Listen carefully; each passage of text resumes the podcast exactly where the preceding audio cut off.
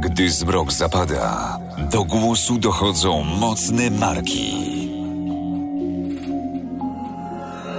Herra on Air. Nocne rozmowy o sporcie, biznesie i przedsiębiorczości. Wyjątkowi goście, aktualne tematy. Mówimy jak jest. Bez ściemy, cenzury i kompromisów. Na żywo. Zaczynamy. Cisza w eterze. Oddajmy głos Herze. Dobry wieczór. Jesteśmy już e, razem e, wspólnie tutaj z Wami. E, Waszym gościem dziś jest Artur Roguski. Dobry wieczór. Dobry wieczór, Arturze. Kim ty Dobry jesteś? Kim ja jestem? Trudne pytanie wbrew pozorom. Od wielu lat zajmuję się marketingiem, reklamą, social mediami. Taki trochę freak na ten temat, wiesz.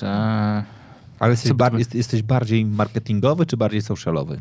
bardziej socialowy jednak. Jakoś tam wynikło, że e, gdzieś to do mnie przylgnęło w pewnych czasach, kiedy te media społecznościowe się rozwijały, kiedy jeszcze pierwszy polski fanpage nie miał nawet 100 tysięcy fanów, w ogóle jakiś kosmos, gdy teraz sobie to pomyślimy. A ty wtedy O już tym- miałeś 100 tysięcy fanów. Nie, akurat nie ja, ale wtedy zaczynałem nad tym pracować i, i wiesz, to zostało, że e, wtedy się tym zacząłem zajmować i, i dalej się tym zajmuję. Okej. No dobra, co, co robiłeś, jeśli chodzi o, to, o te piękne, zamierzchłe czasy, kiedy pielski, pol, pol, pie, pierwszy polski fanpage nie miał jeszcze 100 tysięcy fanów? Wiesz co, pracowałem e, w różnych mniejszych, średnich agencjach, takie, wiesz, postudenckie pierwsze lata, gdzie się szukało miejsca, żeby się zaczepić po prostu. Z wykształcenia jestem psychologiem mediów, o specja- e, psychologiem mediów, tak, o specjalizacji właśnie media i reklama. E, no i szukało się pierwszych miejsc. Była tam jakiś epizod w agencji, która zajmowała się marketingiem szeptanym, czyli wiem, jak robić taką szeptankę niesławetną, nielubianą przez wszystkich w branży. Okej, wrócimy do tego, co jest szeptanka, bo to ci, Wróć- wróćmy, bo, bo bo, to to, jest- bo to ładne słowo w ogóle. Bardzo ładne. E, wiesz co, później pracowałem w jednej takiej większej polskiej agencji Ogilvy. Mm, fajni klienci. E, I później ze z takiej ścieżki agencyjnej przeniosłem się na ścieżkę bardziej mediową. Najpierw magazyn Brief, e, którym, w którym dalej współpracuję, z którym dalej jakoś tam działam fajnie. E, po briefie trafił się grupa Onet Raz, gdzie pracowałem ponad 3 lata przy takim tytule jak, jak Fakt Okej. i Fakt 24. E, następnie było wydawnictwo Edipress, no to tam takie typowo kobiece mm, tematy Viva, Party i Wizaż.pl, a obecnie pracuję, wróciłem na stronę agencyjną, tym razem agencji PR, e, no i agencja Diffusion Communication, która zajmuje się PR-em dla takich spółek technologicznych czy business to business. Mamy klientów jak Samsung, Microsoft, Canon, Cisco, więc taka wysoka półka. No ale jak widzisz, rozstrzał mnie jest od, od makijażu po nowe smartfony. Okej, no dobra. Wspomniałeś o e, szeptance. E, sz, szeptanka to takie pe, pewnie trochę zwyrolskie słowo, bo kojarzy się z macanką. Co, co, co, to, co, co to jest szeptanka? Powiem ci, że tego skojarzenia akurat jeszcze nie słyszałem, ale szeptanka to jest zamieszczanie, ogólnie rzecz biorąc, zamieszczanie e, pozytywnych komentarzy na temat marki, które nie pochodzą mm, od takich spontanicznych userów, użytkowników internetu, tylko są napisane z premedytacją na, na zlecenie. Czyli, czekaj, czekaj, czekaj. Czyli na przykład mógłbym sobie kupić usługę, że jakieś e, typki w internecie by pisali mi, Tak. wow Wojtek, ale jesteś mądry, ale, ale, Tak. ale fajnie powiedziałeś, ale fantastycznie miałeś tą audycję. Tak, możesz sobie takie osoby kupić, możesz sobie takie osoby kupić, jeśli na przykład sprzedajesz jakiś produkt, czy sprzedajesz jakąś usługę, to te osoby będą pisały, że twoja usługa jest taka super, taka świetna, pomogła ci w życiu, uratowała ci te życie. E, ja się nauczyłem, jak to robić tak dobrze, że mm, tak na dobrą sprawę nie odróżnisz tego od takich prawdziwych, rzetelnych e, komentarzy. To ja mam taką prośbę do osób, które nas teraz oglądają na żywo. Pamiętajcie, że po pierwsze możecie zadać pytanie. Jeżeli zadacie pytanie, wtedy się zapali czerwona lampka. E, My wtedy będziemy na, nie, e, na te pytania odpowiadać. Pamiętajcie, zawsze to przypominam, czerwona lampka była droga, więc musi się zamortyzować, więc zadawajcie bardzo dużo pytań. A poza tym to jest też dobry moment na to, żebyście nam napisali, że jesteśmy wspaniali, fantastyczni. I oczywiście możemy się umówić, że za każdy komentarz zapłacimy. O, to jest dobry, dobry pomysł. Uśmiechem. Uśmiechem. Uśmiechem Uśmiechem, albo, tak. albo dobrym słowem również na przykład. Dobre słowo też, uśmiech, e, Za- za- więcej warte. Pokażcie, jak czy- pokażcie, czy szeptanki, czy, czy szeptanki spontaniczne działają. Znaczy, jeżeli moglibyście, jeżeli moglibyście tam coś skomentować, to byłoby fantastycznie i wtedy moglibyśmy sobie. Krzysztof, o czekaj, czekaj, czekaj, jest Krzysztof Rudec. Ja ci strasznie, strasznie, gigantycznie gratuluję. Jestem po prostu tak absolutnie zajarany. To, co się wydarzyło, to jest po prostu nieprawdopodobne. Gosia Ardest, e, nie wiem, czy, czy, czy wiesz, będzie się ścigała w e, W, W Series, czyli w kobiecej Formule 1. Polka będzie się ścigała pierwsza, Polka Krzyk, absolutne gratulacje.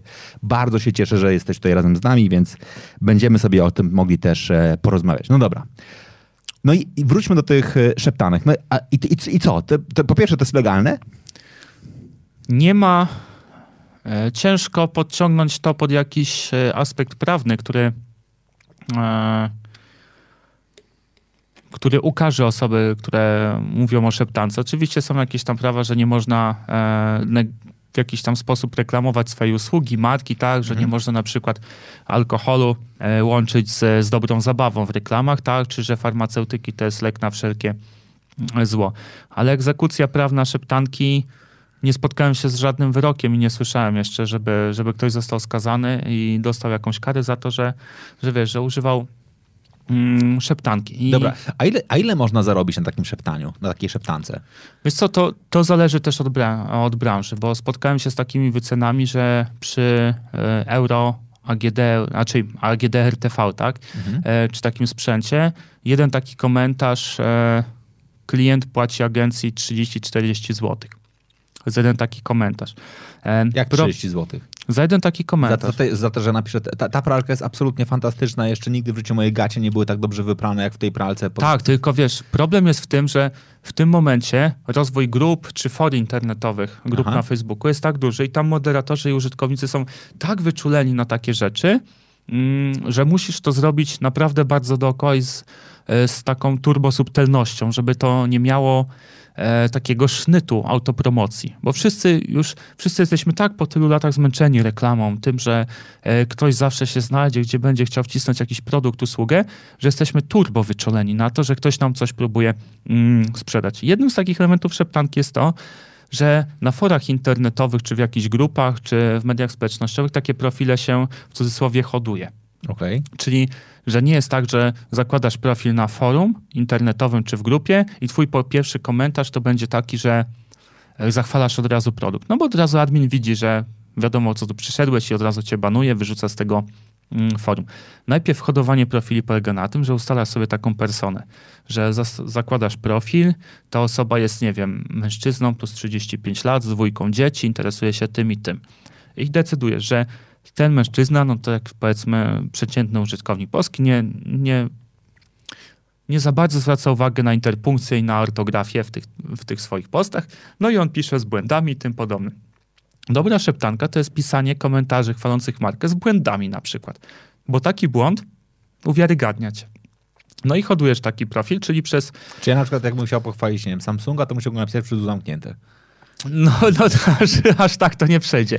Ale wiesz, to jest na takiej zasadzie, że e, taka osoba, taki profil, e, osoba, która stoi za takim nierzeczywistym profilem, przez kilka tygodni, czy nawet czasami miesięcy e, zamieszcza zwykłe komentarze, tak? Takie niepromocyjne, tylko po to, żeby w oczach moderatora danego forum, danej grupy na Facebooku uwiarygodnić swoją, e, swoją osobę. Okej, I dopiero to- po pewnym czasie zaczyna, kiedy już się uwiarygodni, wrzuca takie niby spontaniczne wrzutki, że, że dany produkt jest super, dana usługa jest fajna. Okej. Okay. Słabo zadaje pytanie, bardzo słuszne zresztą. Na ile to jest skuteczne w porównaniu do zwykłego marketingu? E, tak, e, są takie badania, bodajże Nielsena, które pokazują, komu my najbardziej ufamy. E, jeśli Ale chodzi czy o jesteśmy w Polsce? W Polsce my nikomu nie ufamy. Jesteśmy E, krajem o najniższym współczynniku zaufania społecznego. Więc... Tak, to też prawda, ale Ale, ale są jednakże tacy, którym, ufamy? tak, nie, przede wszystkim ufamy e, naszym bliskim znajomym, Okej. naszej rodzinie i ufamy innym konsumentom. Mhm. Czyli zobacz, że bardzo dużo osób, jak na przykład szukasz sam jakiegoś produktu w internecie, No. to nie tylko patrzysz na specyfikację tych produktów i porównujesz, ale też zerkasz do komentarzy.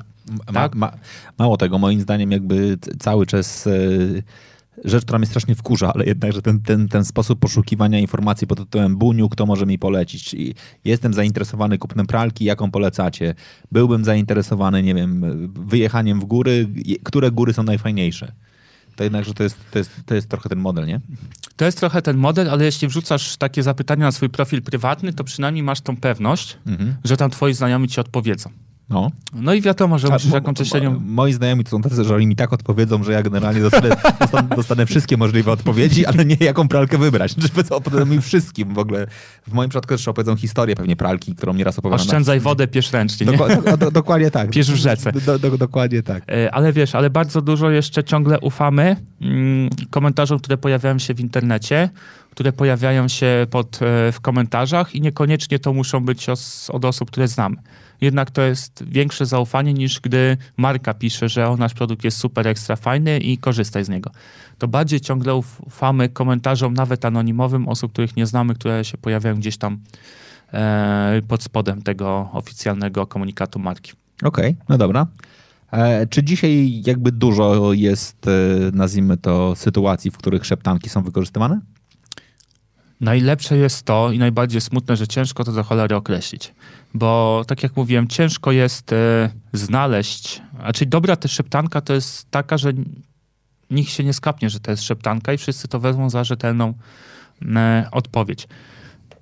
Można, zakładając na przykład, że nie wiem, w Polsce masz 10 agencji, które się tym zajmują, niech każda e, dziennie wypluje 50 komentarzy, 40-50 komentarzy, to masz pół tysiąca komentarzy e, fejkowych, tak? Nieprawdziwych dziennie, czyli masz 15-20 tysięcy komentarzy każdego miesiąca w polskim internecie, które są nieprawdziwe, które są wykupione. No to już jest taka skala, na którą trzeba mm, zwrócić uwagę. Mimo Okej. wszystko. Okej, no dobra, mamy pytanie. E, Bartek zadaje pytanie bardzo ważne. To jeżeli chciałbym znaleźć taką agencję, tak? Znaczy szukam takich szeptanek w internecie, to powiedz mi, e, jak mam szukać? Mam wpisać w Google szeptanka? Szeptanka Warszawa. Kropka. E, sz- Szukam kogoś, kto będzie szeptał dobrze na temat mojej pralki.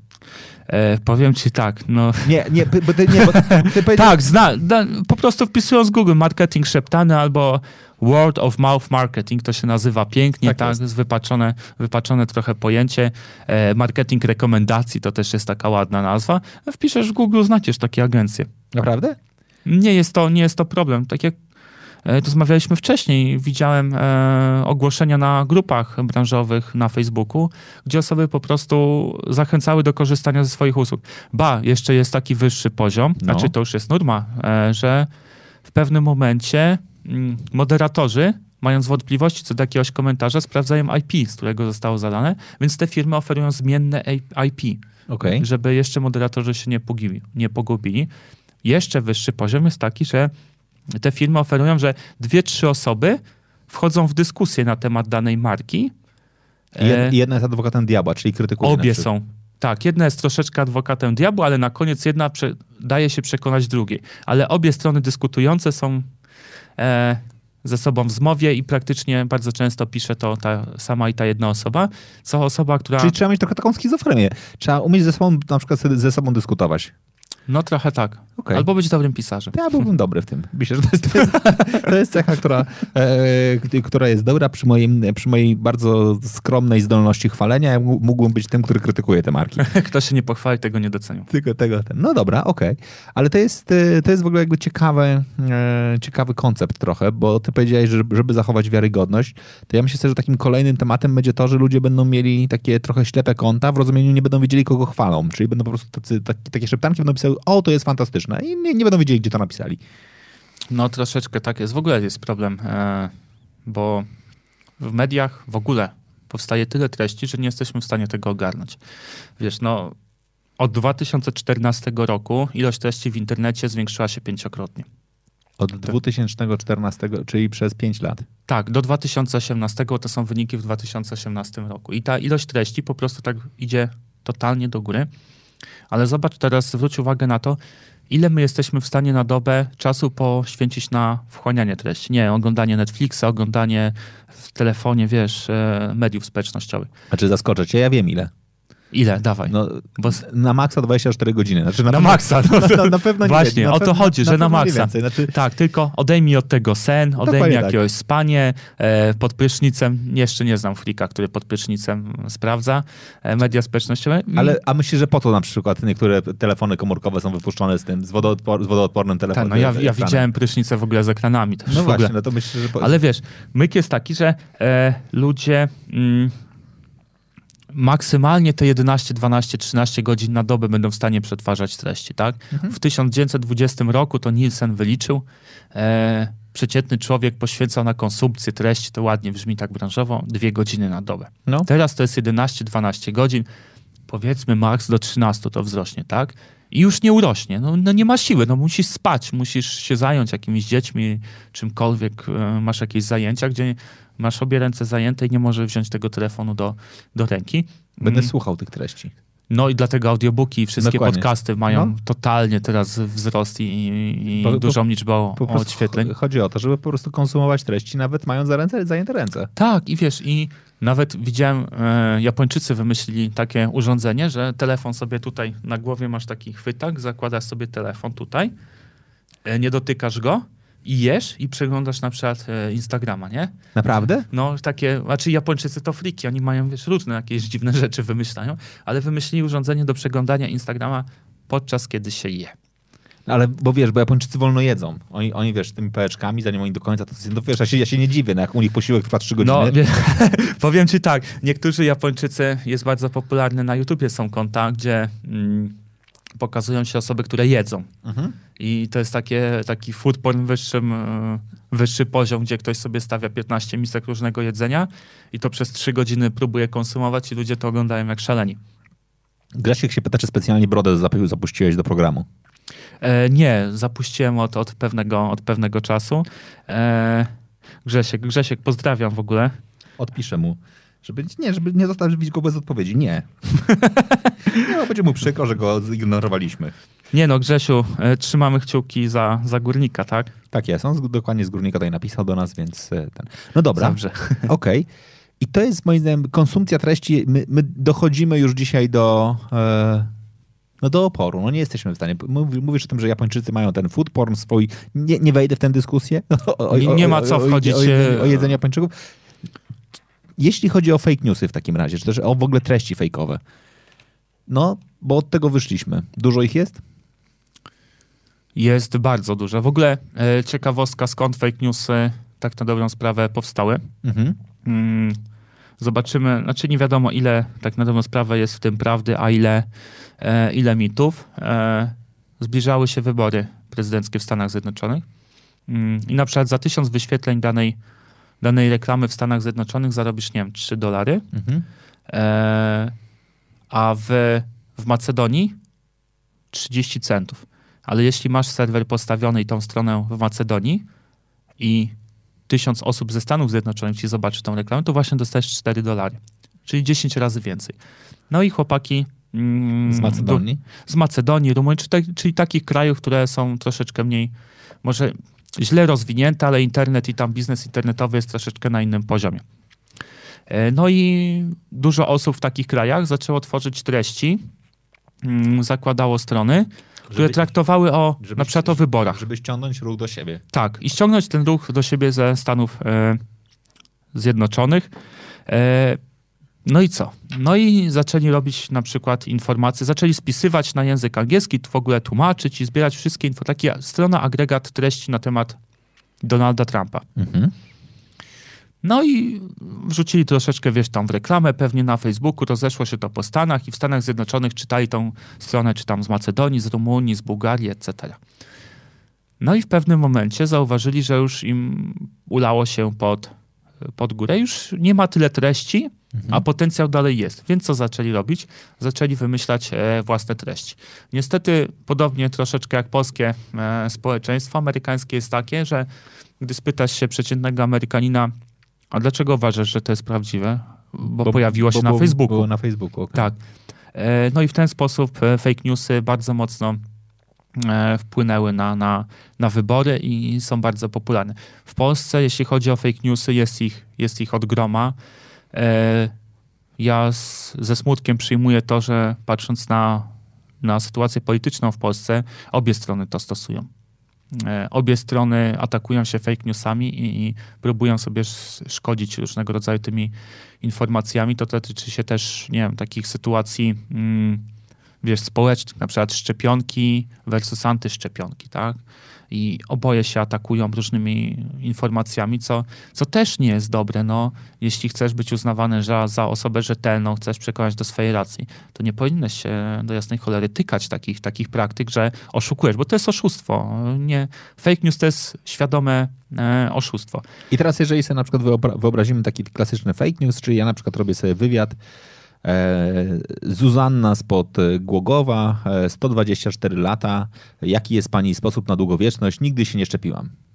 No to jest. Albo, I, i, to jest I to zaczyna żreć. Tak, i to zaczyna rzecz. Pamiętaj o tym, że e, wśród nauk największą dziwką jest statystyka. Mhm. Więc jeśli pokazujesz Powiedzia- przykład powie- pani... Powiedziałeś brzydkie słowo. Wiem, przepraszam. Ale nie można tutaj mówić brzydkie słowa. Dobrze, Że nie generalnie będę. można, mamy, mamy tutaj taką, taki sygnał, dlatego program jest o godzinie 21.12, że już wiemy, że już dzie- dzieci śpią i możemy sobie normalnie kurwa mać powiedzieć. O Jezu.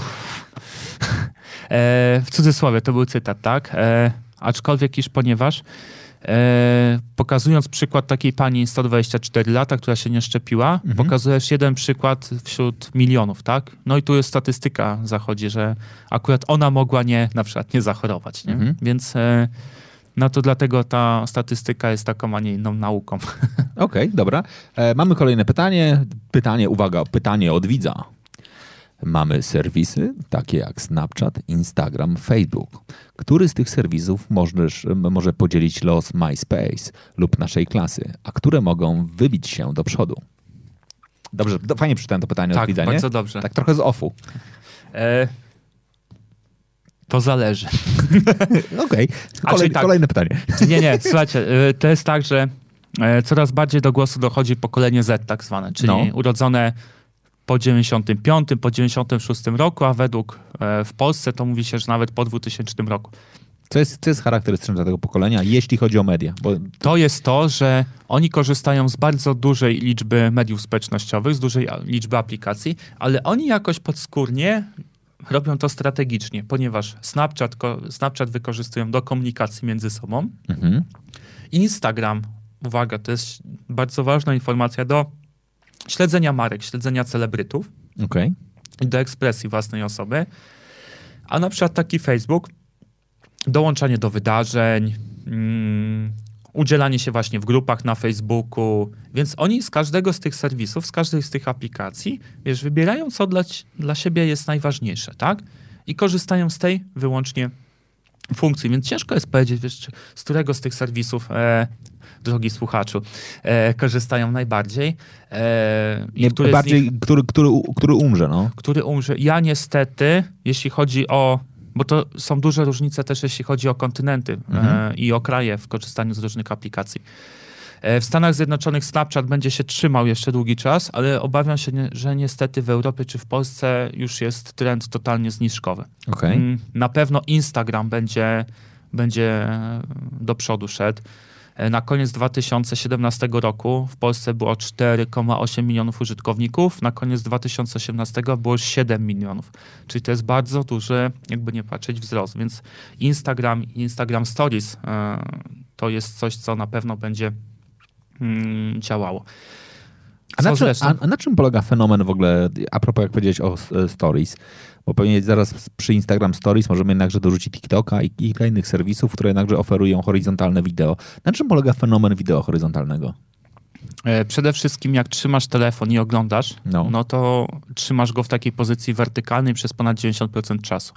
Jeśli wchodzi ci takie wideo, to ono ci zajmuje cały ten ekran. To No. znaczy, że więcej treści jesteś w stanie przekazać, ono jest bardziej mm, interaktywne. Przy Stories masz też e, taką kwestię, że kiedyś, żeby zrobić jakiś animowany filmik No. mm, z jakimiś efektami, wodotryskami i tym podobne, to musiałeś napisać pomysł, to nagrać, ktoś ci musiał to nagrać, musiałeś to wysłać do jakiegoś typa, który ci to zmontuje, za dwa tygodnie on ci to przesła. Teraz dzięki aplikacjom mm, typu Instagram czy Snapchat, po prostu nagrywasz wideo z palca, No. i palcem przesuwasz, a to sobie dodam taki gif, tu se palcem coś namarzę, tutaj sobie dodam taki jakiś tekst. Technologia poszła tak do przodu, A, i okej, o- jeszcze, jeszcze że, że takie mini studio na poziomie basic każdy z nas ma w telefonie i jak masz na przykład, nie wiem, x rodzajów fontów, wszystkie, całą paletę kolorów, tysiące gifów, które możesz dodać, setki masek, nie wiem, że jesteś pieskiem, kotkiem i tym podobne, to nagle masz miliony różnego rodzaju rzeczy, które możesz stworzyć na tym, w tych storiesach. I to ci zajmuje 30 sekund stworzenie takiego storiesa. Jeszcze otagujesz miejsce, otagujesz znajomego. I jakby nie patrzeć, to pobudziło naszą taką ukrytą gdzieś kreatywność, chęć czegoś tworzenia, podzielenia się czymś fajnym, kreatywnym, unikatowym. I w tym widzę sukces e, właśnie stolisów i, i tego typu rodzaju treści. A co ciekawe, ja jestem trochę frikiem, bo jak Trochę, jeszcze... to- No weź, jak no wiesz, jak jeżdżę e, sobie metrem czy autobusem, to patrzę, co ludzie robią w telefonach komórkowych. Czyli jesteś, nie, nie jesteś freakiem, tylko jesteś zwykłym, ordynarnym podglądaczem mediów społecznościowych. Jesteś, Tak. Nie, wiesz, jesteś nie, taką, tak, takim żurawiem po prostu chodzącym, który tam pakuje ten... ten no jestem wyższy od większości osób, więc mi łatwiej trochę. no. Ale wiesz, jeszcze dwa lata temu, jak patrzyłem ludziom w te telefony, to oni korzystali głównie z Facebooka. Okej. Teraz korzystają z Instagrama. Z Instagrama. Naprawdę? Ba, i nie korzystają z Instagrama, tylko korzystają, nie przeglądają treści w Instagramie, że tam scrollują ten newsfeed, tylko przeglądają storiesy właśnie. E, ostatnio widziałem osobę, która przeglądała Facebooka. A w, a w jakiej linii? Tak jest głównie. Jaką, jaką linią jeździsz najczęściej, że tak się dzieje? Wiesz co, metro, Okej. Ostatnio jechałem na Tarchomin, jadąc na Tarchomin, to widziałem osobę, która korzysta z Facebooka. Okej, to nieźle. To jest naprawdę jakby ten... Ale jest, jest taka zmiana, jest taki shift e, wśród e, naszych zachowań i, i treści, które sobie upodobaliśmy. Chociaż ciekawostka jest taka, że niedawno, niby przypadkiem w cudzysłowie, e, Instagram wprowadził, że newsfeed będzie się u nich przeglądało W tak bok. jak storiesy w bok. I wycofali się z tego, bo twierdzili, że o, pomyłka, nie? Ale na wszystkich mediach społecznościowych ludzie bardzo negatywnie wobec tego się e, wypowiedzieli. No właśnie, a to jest ciekawe w ogóle, bo, bo faktycznie jest tak, że e, ten proces włączenia tej, tej, tej krótkiej funkcji e, w Instagramie był, był, został zdjęty. A dlaczego się negatywnie wypowiedzieliśmy na ten temat? Czyli zawsze boimy się dużych zmian. Okej. E, Społeczeństwo boi się dużych zmian, bo do czego się przyzwyczailiśmy mm, i w pewnym momencie nam to jest zabrane i musimy zmienić nasze postępowanie. Podobne e, krzyki były jak Facebook wydzielił z aplikacji Messenger od Facebooka, tak? Mhm. Że trzeba było ściągnąć, że dwie aplikacje, jak to dwie aplikacje muszę mieć na telefonie zainstalowane zamiast jednej. Kto o tym pamięta, że to już były takie krzyki i, i, i boleści nad tym? To prawda. Więc y, zawsze taka zmiana musi jakiś tam się przeboleć, zawsze ktoś musi na ten temat pokrzyczeć, ale in the end of the day to, to się zawsze przyjmie na, na koniec, więc... Mm, ale tutaj e, krzyki były przepotężne przy Instagramie, co nie znaczy, że, że w pewnym momencie e, to nie zostanie znowu wprowadzone i przetestowane. Okej. No Być dobra. może na mniejszej grupie, nie może nie, nie wiesz, na, e, na całości populacji użytkowników Instagrama, ale będzie testowane. No zobaczymy, sam jestem ciekaw. Zwłaszcza, że w Facebooku e, są bardzo duże zmiany, jeśli chodzi o strategię w tym roku. A czy generalnie faktycznie jakby Facebook na to coś mieli? Znaczy nie tylko jakby na takim operacyjnym, technologicznym procesie wywala, ale faktycznie cały czas się mówi, że, że, że coś namieszają. No. Mieszają, wiesz, no kadra się tam zmieniła, wyższa zarządzająca, która tak na dobrą sprawę od 10-13 lat tego Facebooka rozkręcała. Odchodzą założyciele e, serwisów takich jak Instagram i WhatsApp, które Facebook wchłonął. E, główne prawa ręka, tak na dobrą sprawę e, Marka Zuckerberga e, odchodzi jeden z, e, z szefów produktu, który jest od 13 lat był w Facebooku.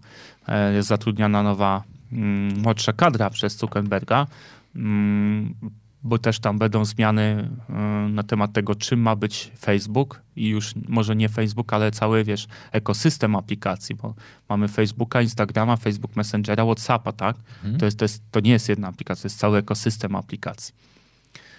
Więc tutaj e, Facebook będzie i Mark Zuckerberg będzie stawiał na nie to, że będziemy dzielić się treściami na swoim wallu z, z tysiącem naszych znajomych, ale raczej dochodzi do tego, że będzie chciał, aby mm, ludzie dzielili się informacjami one to one, tak? Że jak widzę ciekawy link na temat mediów i marketingu, to nie wrzucam tego na, ty, iluś tam swoich znajomych, rodziny i tym podobne, bo moją rodzinę na przykład to nie interesuje, bo zajmuję się co, zupełnie czymś innym, tak? Mhm. E, za to będę wybierał, na przykład wchodził na, na Messengera i wybiorę sobie te 5-6 osób, które, które rzeczywiście tym tematem się... Czyli mm, będziemy będą- spamować. Będziemy normalnie, ordynalnie spamować w wiadomościach.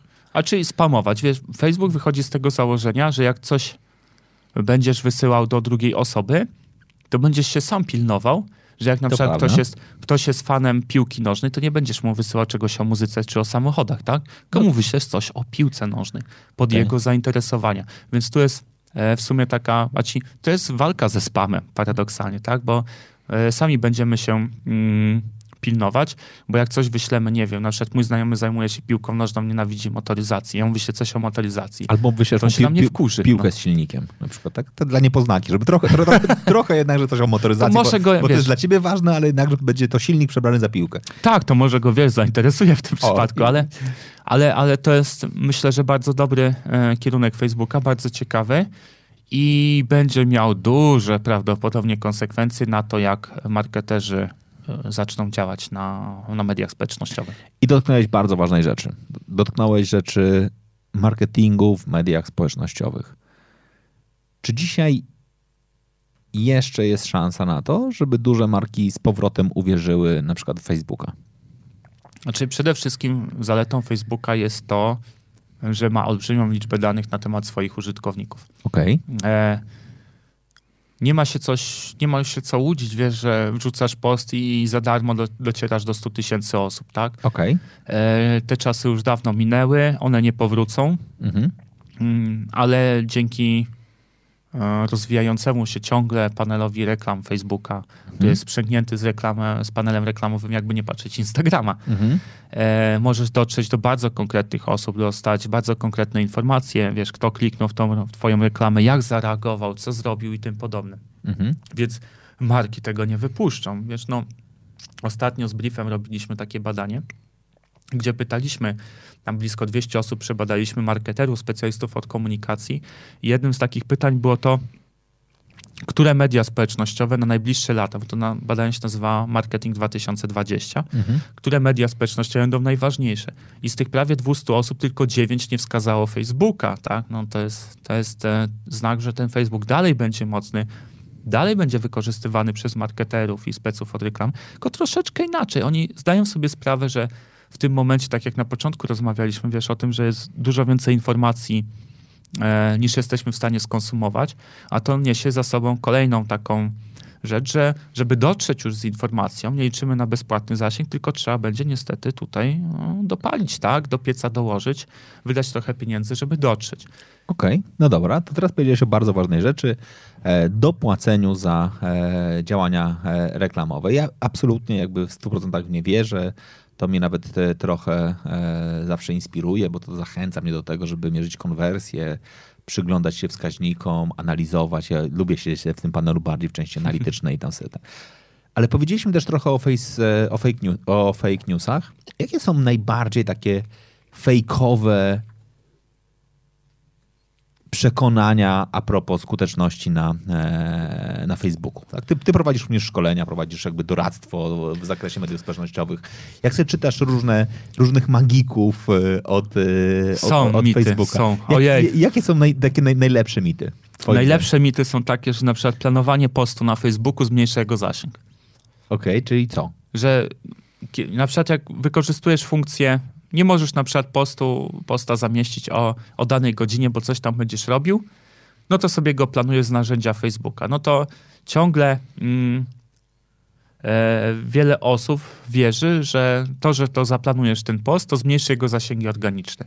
Mhm. E, ja już tłumaczę skąd ten mit pochodzi, bo kiedyś parę x lat temu takiej funkcji na Facebooku planowania postów po prostu ordynarnie nie było Okej. i wykorzystywało się aplikacje zewnętrzne, Aha. do którym dawałeś dostęp do swojego konta i one w twoim imieniu to publikowały.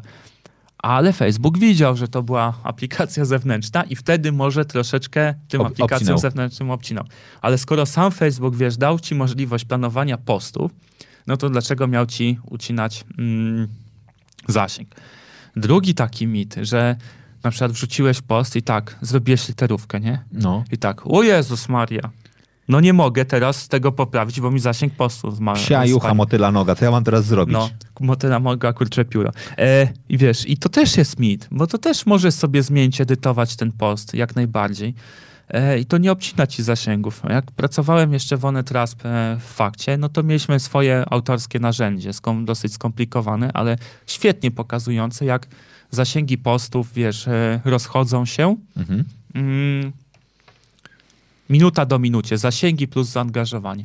I testowaliśmy różne warianty, że na przykład po dwóch minutach po zamieszczeniu postu edytowaliśmy go po godzinie, po trzech godzinach, tak?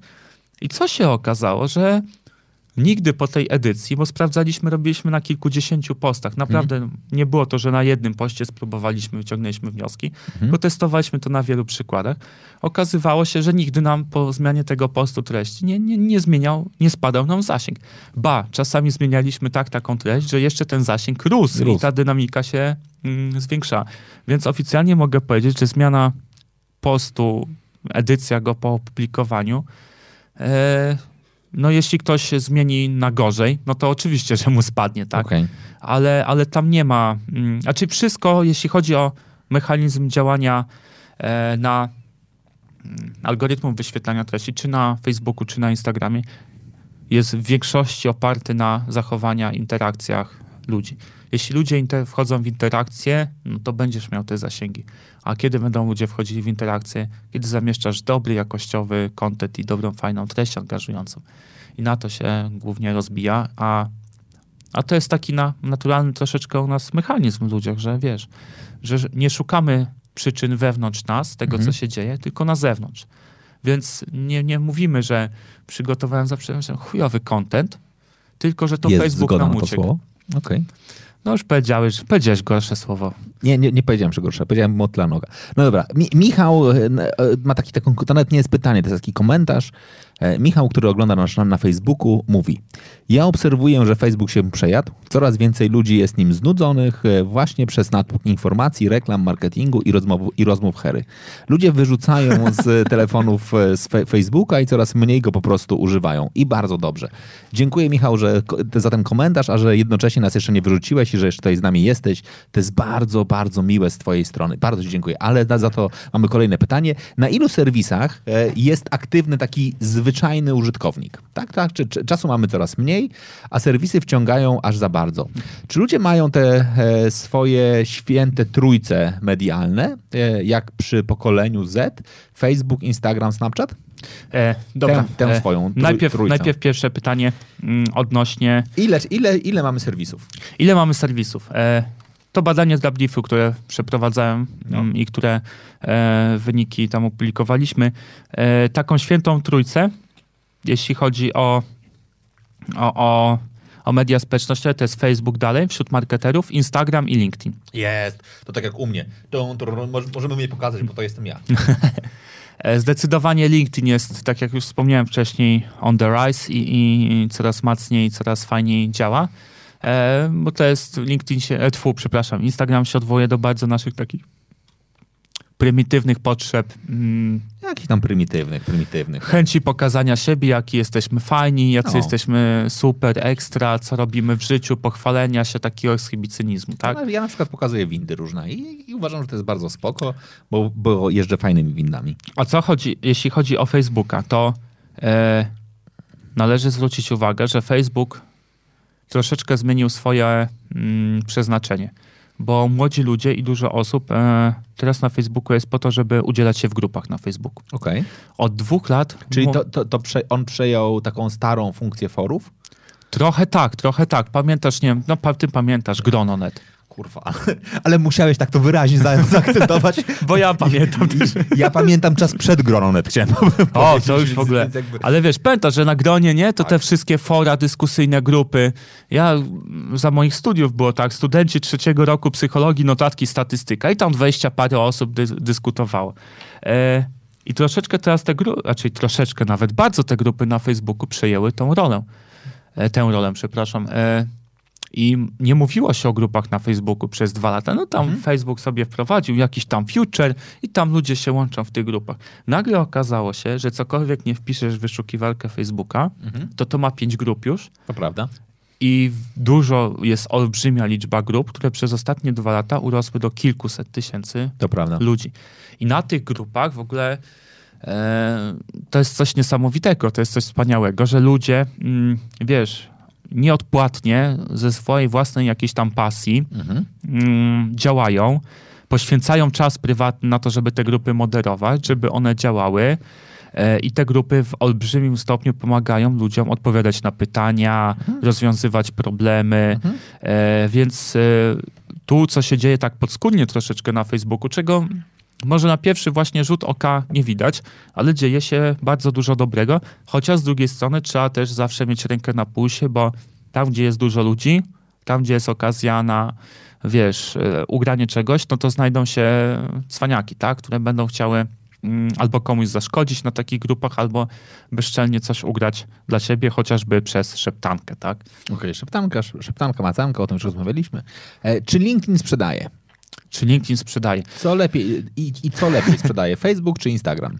Przede wszystkim e, najlepiej sprzedają relacje ludzkie. Okej. Nieważne, nieważne, czy to jest e, e, na Facebooku, czy na LinkedInie, czy na Instagramie, sprzedają relacje ludzkie. W ogóle jest teraz taki turbo trend, że to nie marka do ciebie mówi, to nie marka ci proponuje jakąś usługę czy produkt, tylko jakiś ambasador marki. Tak? Dlatego duża rola obecnie jest influencerów i mikroinfluencerów, którzy przyjmują ten ciężar, jest im płacone, żeby przejęli część tego ciężaru promocji danej marki.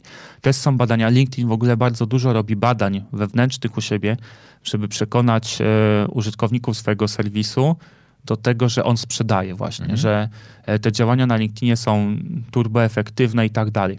Mm, Na koniec dnia są takie wyniki, że o ile dobrze pamiętam, e, działania pracowników danej firmy Mhm. na LinkedInie są sześć bodajże razy bardziej skuteczne niż Mhm. e, treści, które są publikowane przez daną stronę na LinkedInie. Mhm. Mm, I stąd powstało e, to pojęcie social sellingu. Tutaj Sebastian Górski, pozdrawiam. O, Sebastian, ale czy... A, jest. War- Jest. Warszawa, pozdrawiamy Artura. Pracowaliśmy kiedyś razem w RASP. Okej, fantastycznie. Przykro mi, Sebastian, że musiałeś tutaj pracować, ale to niestety jakby... Nie, dlaczego nie przykro? Świetne miejsce, naprawdę bardzo fajne i chodzi o to, dużo że- można się chodzi- nauczyć. Chodziło, że z tobą. E, tu jeszcze, nie wiem czy jeszcze jest na live, ale Rafał Drzewiecki jest, z którym dosyć dużo współpracowałem, widzę, ogląda. Też Okej. pozdrawiam serdecznie. No dobra, fantastycznie. To mamy trochę informacji o LinkedInie, o social sellingu. E, Ja za- zapraszam raz na jakiś czas na szkolenie Value Based Social Selling, które jest dość dobrze, sam umiem nawet je poprowadzić. E, Dobra, co lepiej sprzedaje, Facebook czy Instagram? Mm, to zależy. Okej, zależy, E, od, wiesz co, to zależy, dobra. zależy co, czy zależy komu? To teraz ci powiem ciekawostkę taką. E, influencerzy e, i celebryci, Mhm. mm, i nie tylko w Polsce, ale na świecie, już od dwa lata temu e, marki w Stanach Zjednoczonych zaczęły wydawać na celebrytów, influencerów więcej w Instagramie niż na Facebooku. Okej. E, Dlaczego? Bo to jest lepsze medium. A to jest lepsze medium, czy jest lepszy content? Bo to jest pytanie trochę. E, bardziej jest nastawione, a czyli w, wiesz, 2-3 lata temu Instagram nie był tak jeszcze zaśmiecony. Mhm. Nie, był, nie było tej olbrzymiej fali ludzi, tej skali liczby treści, która tam była e, wrzucana. E, znam, mm, jak współpracuję, pomagam z niektórymi osobami znanymi, też e, celebrytami, influencerami na Instagramie, to oni nie za bardzo już wierzą w Facebooka, nie za bardzo chcą promować się na Facebooku i działać na Facebooku. Mm, raczej idą, raczej zdecydowanie idą na stronę Instagrama, z tego względu, że mm, po pierwsze na Instagramie dzięki hashtagom możesz być jakoś tam wyszukany. Mhm. Masz Insta Stories, które są dosyć ciekawą i fajną formą, formą e, promocji, tak? I tak jak mówiłem przed chwilą, te pokolenie Z, e, tych młodych, Instagram oni właśnie traktują jako takie miejsce, gdzie pozwalają celebrytom, chcą z celebrytami, influencerami mieć kontakt Mhm. i jednocześnie pozwalają markom na, na kontakt ze sobą, na dotarcie. Że tutaj, ok, tutaj możecie do nas uderzyć, tutaj możemy, tutaj z chęcią zobaczymy wasze reklamy, jeśli macie coś ciekawego do, mm, do powiedzenia. Okej, ale Więc jeśli chodzi o sprzedaż, no to zdecydowanie mm, w tym momencie Instagram, jeśli chodzi o współpracę z właśnie z twarzami, z influencerami, aczkolwiek pamiętajmy, że, że ten panel reklamowy Facebooka i Instagrama, no to dalej jest bardzo mocny i tam bardzo duże konwersje i ROI można uzyskać z kampanii reklamowych. Bardzo dobrze też sprzedają Insta Stories, jak się okazuje na Instagramie. E, bo przykład moja znajoma, która ma, prowadzi swój sklep vintage Mhm. e, z ciuchami. Wiesz, że teraz zrobiłeś product placement. Ja ci normalnie Ale nie ja, powiedziałem ja, nazwy. Ja, ja ci fakturę zaraz za to wystawię. Jeszcze- a nie powiedziałem nazwy. A, a, a już to za, z- niepotrzebnie, bo chciałem, mogę ci wypuścić. Podaj nazwę, podaj nazwę i mi się wyfakturował od razu. Nie ma nie. ma. E, Tomek Lachowski, pozdrawiam Tomku. Okej. No. E, wiesz, i, i e, wrzuca rzeczy, które ma e, w dostawie, które są nowe u niej na sprzedaży i to, to działa, tak, że ludzie odpisują do niej, trzymaj tą sztukę, za 20 minut u ciebie będę w sklepie i to wykupię, tak? Więc te Insta Stories, ten nowy format, który jest taki bardzo kreatywny, okazuje się, że turbo fajnie mm, może być wykorzystywany też w, w, w sprzedaży. Więc e, oba serwisy sprzedają, ale zdecydowanie ostatnio ten ciężar troszeczkę, nawet trochę bardzo, został przeciągnięty też w stronę mm, Instagrama po prostu. Okej, no dobra. Trochę porozmawialiśmy sobie o e, fejkowych newsach, ale domyślam się, że fejkowe newsy, czy też w ogóle wszelkiego rodzaju fake treści e, nie są jedyną patologią e, mediów społecznościowych. Jakie inne mamy wyzwania? Znaczy, co, jakie są inne zagrożenia e, dla marek, ale również dla użytkowników? Dla użytkowników przede wszystkim. mediach- Dla użytkowników. Słuchaj, No e, są różnego rodzaju grupy. Z tym walczy też Google. Nie tylko Facebook, e, ale też i Google. Że jest dużo wiadomości, nie fake newsów, które chamsko ci przekłamują i chcą, żebyś wszedł na ich stronę, na jakąś daną stronę, zobaczył reklamy i Czyli, że czyli klasyczne clickbaitowe jakby Tak, takie, takie tak. akcje, okej. ale jest dużo treści, które mm, być może są robione w dobrej wierze, Mhm. mm, aczkolwiek iż ponieważ bardziej szkodzą. No i są na przykład na Facebooku grupy duże, liczące po kilkaset tysięcy użytkowników, typu leczenie ziołami. Wiesz, i tam e, jakaś matka, kobieta Czyli- zamieszcza post. Ale to, to są takie normalne, czy są takie no- normalne takie, takie zrzeszenia druidów po prostu? Tylko? Troszeczkę to zrzeszenia druidów przypomina czasami, bo wiesz, e, ląduje tam post, gdzie kobieta się pyta, moje dziecko trzeci dzień ma temperaturę 39 stopni, jakie zioła? I to nie jest odpowiedź e, No nie. strzel się z liścia i liście z tym, i liście z tym jakby z synonimem zioła i idź, do apteki i do lekarza, tylko No ktoś naprawdę jej pod, pod ten mówi, czy na przykład A Czyli ludzie, są ludzie, którzy pod, e, pokazują i mówią, a to spróbuj taki napar i taki, a znajdują się też osoby, które mówią, kobieto, wołaj karetkę albo wywieź dziecko do szpitala na ostry dyżur, skoro trzeci dzień ma taką temperaturę, tak? Ale mm, bardzo dużo w mediach, e, na popularnych portalach e, w Polsce jest informacji, nie jedz tego, będziesz miał raka, jedz to, unikniesz raka. I to są takie informacje, które są stworzone przez amerykańskich naukowców, mhm. Mm, zda, czyli zda, bardzo. zdaniem amerykańskich naukowców Tak, tak. I wszyscy wierzą, bo to amerykańscy naukowcy nie mogą się e, mylić. I to są bardzo często bardzo szkodliwe treści, mm, do których ludzie, e, przeciętny internauta się stosuje. Wierzy w nie. Bo skoro jakiś duży serwis, powołując się na amerykańskich naukowców, o tym napisał, ta, e, no to musi być prawda.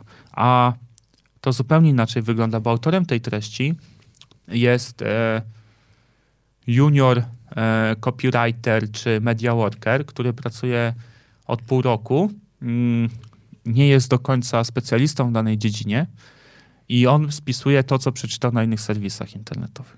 Okej.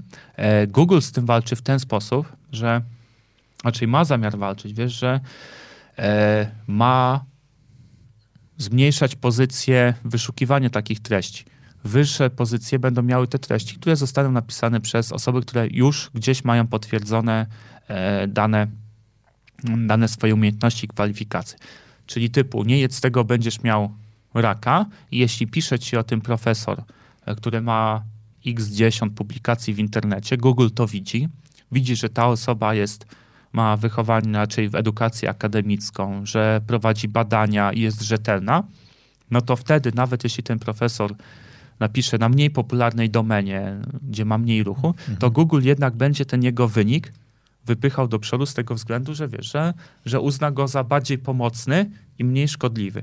I to jest też olbrzymia, olbrzymi problem nie, nie tylko mediów społecznościowych, ale w ogóle internetu, że masz dużo treści, które niekoniecznie mają na uwadze dobro odbiorców, ale dobro wydawców, którzy chcą sobie zarobić na, na kliknięciach i na wejściach.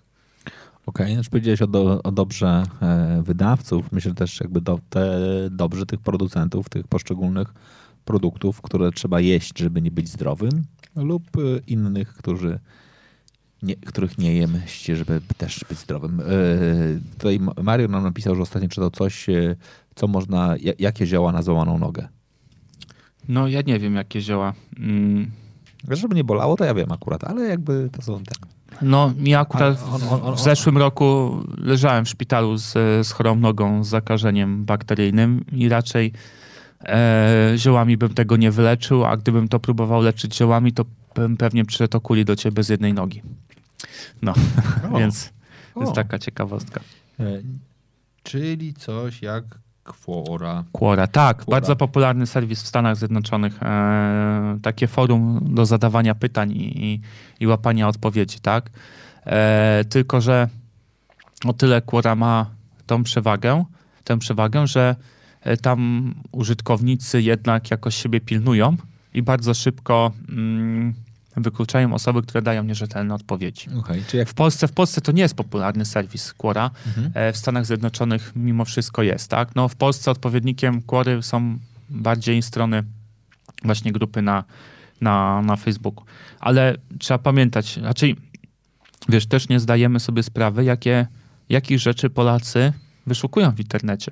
Poczekaj, czekaj, czekaj, zanim wejdziemy do tego, czego, czego Polacy wyszukują w internecie, jest bardzo dobre pytanie, a właściwie taki komentarz. Ja liczę na to, że wrócimy do czytania autorów, e, danych, autorytetów faktycznych, a nie tych amerykańskich naukowców i newsów e, typu nie uwierzycie, co zrobiła na swoim weselu.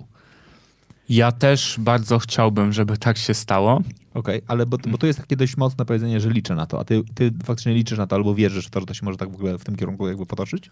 Wiesz, e, jeśli chodzi o te fake newsy, No. to po wyborach Trumpa w Stanach Zjednoczonych zwiększyła się paradoksalnie świadomość fake newsów i, i tam o kilkanaście procent osoby, mm, populacja w Stanach Zjednoczonych zaczęła być bardziej uważna, bardziej czujna. Też swoje robi Facebook, e, Google, walcząc z tymi fake newsami prowadząc jakieś różnego rodzaju programy, edukując i tym podobne, tak? To też robi e, super roboty. No Facebook zatrudnia kilkadziesiąt tysięcy osób do weryfikacji fake newsów. Naprawdę? E, tak, to jest, to jest cała armia ludzi globalnie zatrudniona, mm, która to są tak zwani fact checkers, e, którzy sprawdzają informacje, które są wiralowe na Facebooku, widzą, że na przykład o teraz na Facebooku coś jest popularne, no to wchodzą w ten artykuł, czytają go i sprawdzają, czy to jest prawdziwe, tak? Czy, czy, czy to nie jest jakieś kłamstwo. E, Jeśli widzą, że to jest kłamstwo, no to automatycznie Facebook bang ucina, tak? Więc Facebook naprawdę bardzo dużo robi, robi co może, e, żeby, żeby ten cały bałagan, e, który my sami sobie tworzymy, posprzątać. Okej, no dobra. To, to dość ładne. Ja ci przerwałem w czymś, czy, czy, czy nie? Była taka wypowiedź trącona. Chyba tak, Teraz ale już nie nie, wiem. pamiętam, nie pamiętam Nie. o czym. Czy, czy ktoś pamięta, w czym przerwałem? Bo, bo, bo to było chyba ważne. Powiedziałem, że ci na chwilę muszę przerwać, muszę skomentować, no i teraz nam się wszystko tutaj rozjechało. A jeżeli nie, no dobra, to ja mam jednakże bardzo ważne pytanie, bo to nie Mhm. tylko jakby Instagram, e, Snapchat, e, Facebook. Co z Twitterem w Polsce? Oj, oj, oj. Twitter to jest osobna, fajna, ciekawa działka, bo Twitter w Polsce jest zaorany przez polityków, wydarzenia i sport. Tak jest, dokładnie tak. Znaczy, I to jest nisza. I on Twitter sobie wszedł w swoją niszę i on sobie tam siedzi. I on tam raczej zostanie. Jeszcze w Stanach Zjednoczonych, no to w tą, e, z Twittera korzysta bardzo dużo celebrytów, aktorów, piosenkarzy i tym podobne, tak? A to dlatego, że po prostu nie są w stanie stworzyć wpisu dłuższego niż 160 znaków? Czy... Teraz już jest 280, więc O, na bogato, no to wiesz, bogato, od roku można, ponad można sobie spor, spor, Można sobie poszaleć. Poza tym e, na Twitterze też możesz dodać materiał wideo, Mhm. grafikę, więc to już tak nie ma. mm, Daleko to nie jest od Facebooka, tak? Jeśli chodzi o formę treści. Mm. Wiesz co, myślę, wydaje, że e, w ogóle Twitter pierwszy raz od wielu kwartałów e, zaczął zarabiać na siebie. Ma zysk jako Okej, firma. Super, bo gratulujemy. musiał- Ćwierkają musiał- wróbelki, to bardzo od dobrze. samego rana. E, jeszcze rok temu e, Twitter e, co kwartał notował straty. E, przychody, zyski to się nie bilansowało. Bodajże chyba ostatni kwartał 2018 roku, czy, czy trzeci kwartał 2018 roku to był czas, kiedy e, Twitter posprzątał bałagan wewnątrz siebie, mm, zrobił pewnie tam jakąś restrukturyzację, e, skupił się na najważniejszych rzeczach i rzeczywiście w kwartale e, zaczął globalnie mieć zyski. A jak masz zyski, to już jesteś jedną nogą w niebie, bo te zyski możesz e, inwestować w nowe projekty, które jeszcze ci ten e, serwis podciągną. E, no i rzeczywiście, artyści mm, coraz mocniej zaczynają działać na Twitterze, a to się też wiąże z tym, że bardzo duże problemy w zeszłym roku i dalej one trwają, ma taki serwis jak Tumblr. Mhm. Tumblr, przepotężny serwis, bo on ma prawie w tamtym roku osiągnął prawie granicę 800 chyba milionów e, użytkowników globalnie. Teraz Instagram ma nieco ponad miliard, tak? Okay.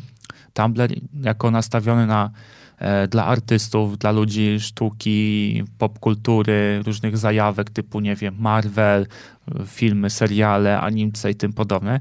Miał olbrzymią grupę ludzi na świecie. W Polsce trochę jest mniej popularny, ale w momencie no, problemy Tumblera to już jest zupełnie inna działka się zaczęły, to bardzo dużo użytkowników Tumblera przeskakuje na między innymi Twittera. Twittera. Okay. I w Polsce też to jest. E, ja akurat nie jestem aż tak e, w tej grupie użytkowników, aczkolwiek moja dziewczyna, która właśnie komentarz zostawiła, e, bardzo mocno w tym siedzi i, i, i wie doskonale, że jak tam się dzieje, jakie tam ruchy, ruchy zachodzą. Więc ten Twitter rzeczywiście artystycznie mm, bardzo fajnie działa i on też poza Polską działa bardzo fajnie, bo ci aktorzy, na przykład, którzy grają w jakichś filmach, serialach, jak widzą jakieś artworki, że ktoś ich namalował, narysował i tym podobne, wchodzą w interakcję z fanami. Taka, wiesz, znany, znany aktor, taki Nathan Fillion, tak? Mhm. I on wchodzi w interakcję ze swoimi użytkownikami na Twitterze, lajkuje ich pracę na jego temat, odpowiada i tym podobne, więc, więc e, widzę, że Twitter się wybronił mhm. E, w ostatnim roku, globalnie i w Polsce. No i mam nadzieję, że będzie, będzie sobie działał w tej swojej niszy takiej okay. E, konkretnej. Jak jest z tym, że tak powiem, przepinaniem pinów w Polsce? W ogóle Pinteresta jakby ogarniamy? Pinterest jest bardzo ciekawą rzeczą, bo e, jest taka firma Shareaholic.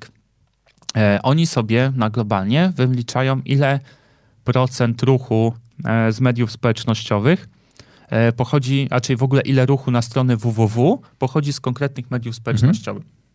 I jeszcze w 2013-2016 rok to co trzecie wejście na stronę www pochodziło z Facebooka. Okej, okay. czyli w sensie przekierowanie. Tak. E, teraz to jest poniżej na koniec 2017 roku, bo oni z rocznym opóźnieniem te wyniki mhm. podają. Na koniec 2017 roku tylko 18% już. Tam było ponad 30%, tak? Okay. 33%, prawie 40% już pochodziło z mediów społecznościowych. Teraz tylko 18% ruchu pochodzi z Facebooka. Okay. Drugim serwisem, który przynosi ruch jest Pinterest. Okay.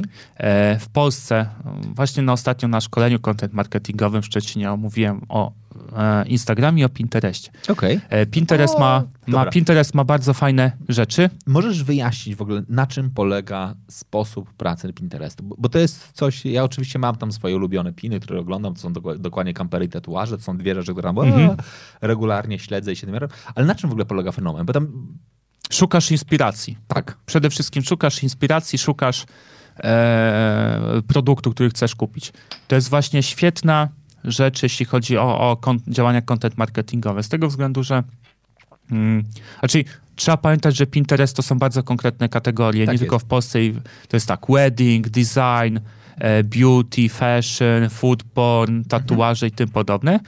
E, dwie trzecie użytkowników, to jest właśnie bardzo ciekawe, w Polsce dwie trzecie użytkowników według PBI Gemiusa ma to są użytkownicy desktopu, co jest bardzo dużo, jeśli chodzi o medium społecznościowe. To prawda. Czyli siedzimy sobie wieczorem albo w weekend i szukamy inspiracji, wchodzimy na laptopa, nie na telefon i oglądamy sobie e, Pinteresta. W moim przypadku kampery i tam się pojawiają różne przebudowy kamperów. Ja tam sobie klikam, klikam, klikam, klikam, klikam, klikam, klikam, a później dostaję już tylko i wyłącznie przebudowy kamperów. To, to też jest bardzo niszowe medium, jakby nie patrzeć e, pod kątem Facebooka czy, czy Instagrama ale ma bardzo konkretne treści. Przede wszystkim e, zaletą Pinteresta jest to, że możesz przeglądać treści nie tylko od swoich znajomych, ale globalnie. Mhm. Przeglądasz treści globalne. Druga sprawa, Pinterest bardzo mocno poszedł w e-commerce, czyli jak masz sklep internetowy, robisz zajebiste jakieś rzeczy, ubrania, t-shirty i tym podobne, Mhm. to dzięki Pinterestowi, odpowiedniemu otagowaniu, że masz świetne rzeczy, możesz sprzedawać je na cały świat. Okej. To jest olbrzymia przewaga, tak, nie tylko do swoich znajomych. Oczywiście budujesz tam jakąś swoją grupę e, znajomych, e, działasz z nimi, ale, ale jesteś łatwy do wyszukiwania dla osób, które właśnie tak jak szukają tych inspiracji, czasami godzinę, dwie poświęcą dziennie na, na przeszukanie, bo coś im jest potrzebne.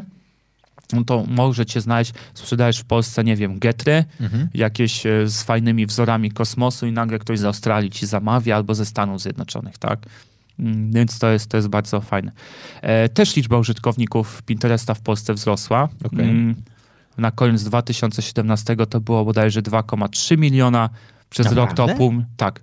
2,3 miliona użytkowników. Teraz jest na koniec 2018, według właśnie PBI Gemius, było 2,8 miliona. To jest mniej niż Instagram, ale widać, że to rośnie i że to jest dobra siła. I uwaga, każdą taką przypinkę, którą robisz na Pinterestie, Mhm. to jest zajebista rzecz. Ona linkuje do twojego bloga, do twojego sklepu online i generuje ruch na twoją stronę. I ten ruch rośnie na Pinterestie. Bardzo Pinterest coraz więcej ruchu na stronę www generuje globalnie, tak?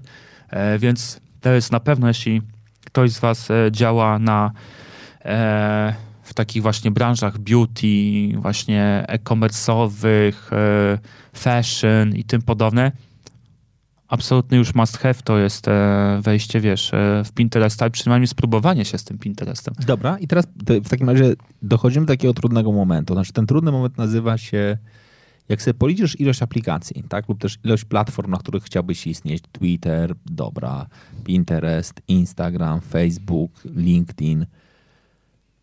Czy opłaca się korzystać z wszystkich programów do reszerowania?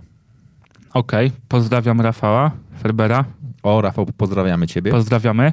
E, czy o, mm, teoretycznie rzecz biorąc, e, wszelkie e, wszelkie podręczniki mówią ci, że nie możesz, nie powinno się dystrybuować tej samej treści na różne kanały. mhm.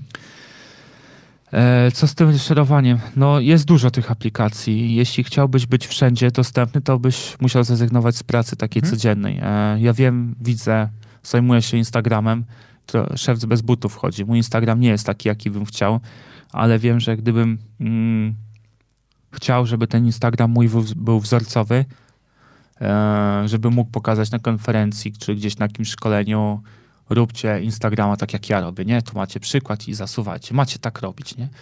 To ja nie jestem w stanie, bo ja bym musiał 2-3 godziny dziennie poświęcić na to, żeby robić sesje, opracowywać te zdjęcia. E, wiadomo, że te wszystkie zdjęcia muszą być, być robione i obrabiane pod jedną koncepcję, pod jedną strategię, spójność wizualna, bla, bla. Tam jest multum elementów. Dobrze zrobiony Instagram to jest pół etatu przynajmniej, tak? Roboty. E, ja sobie wrzucam tak, wiesz, spontanicznie i tak, tak sobie to przyjmuję. Mm, trzeba wybrać, raczej trzeba wiedzieć, zastanowić się przede wszystkim, ile ma się czasu, Mhm. ile czasu można poświęcić na działania w mediach społecznościowych. E, Po drugie, ile treści jesteśmy w stanie wyprodukować. I to nie treści jakichś badziewnych tam wrzucę, bo wrzucę, żeby było, tylko treści, które naprawdę są quality, które są dobre, które są angażujące, a jeśli chodzi na przykład o Instagrama czy Pinteresta, które są przede wszystkim ładne wizualnie, Mhm. tak? Badziewie się nigdy nie kliknie. Mm, Więc e, tutaj aspektów jest dużo. Mm, Trzeba pamiętać, że inne zupełnie formaty tych na przykład Mhm. grafik są na Facebooku, inne na Instagramie, czy wideo, czy inne są jeszcze na Pinterestie, inne na Twitterze. Więc e, każdą, jak jedną nawet treść zrobisz, to musi się przeformatować na, na inny format, na inny wymiar. E, więc kwestia naprawdę złożona i już na poziomie raczej strategii poszczególnej marki, czy, czy produktu, czy usługi, żeby usiąść, zastanowić się, co możemy zrobić, ile mamy na to zasobów e, i, i, i wtedy dopiero się rozkminia, czy niestety trzeba mm, udostępniać, Mhm. czy, czy mamy szansę na to, żeby na każdą platformę robić unikatowy content. No dobra, ale powiedziałeś o bardzo ważnej rzeczy. No, nie mamy czasu, okej? Wyobraźmy sobie, że jesteśmy takim, nie wiem, e, klasycznym polskim przedsiębiorcą, który, nie wiem, e, prowadzi swój własny sklep online'owy, w ramach którego sprzedaje, nie wiem, ręcznie dziergane szaliczki, whatever.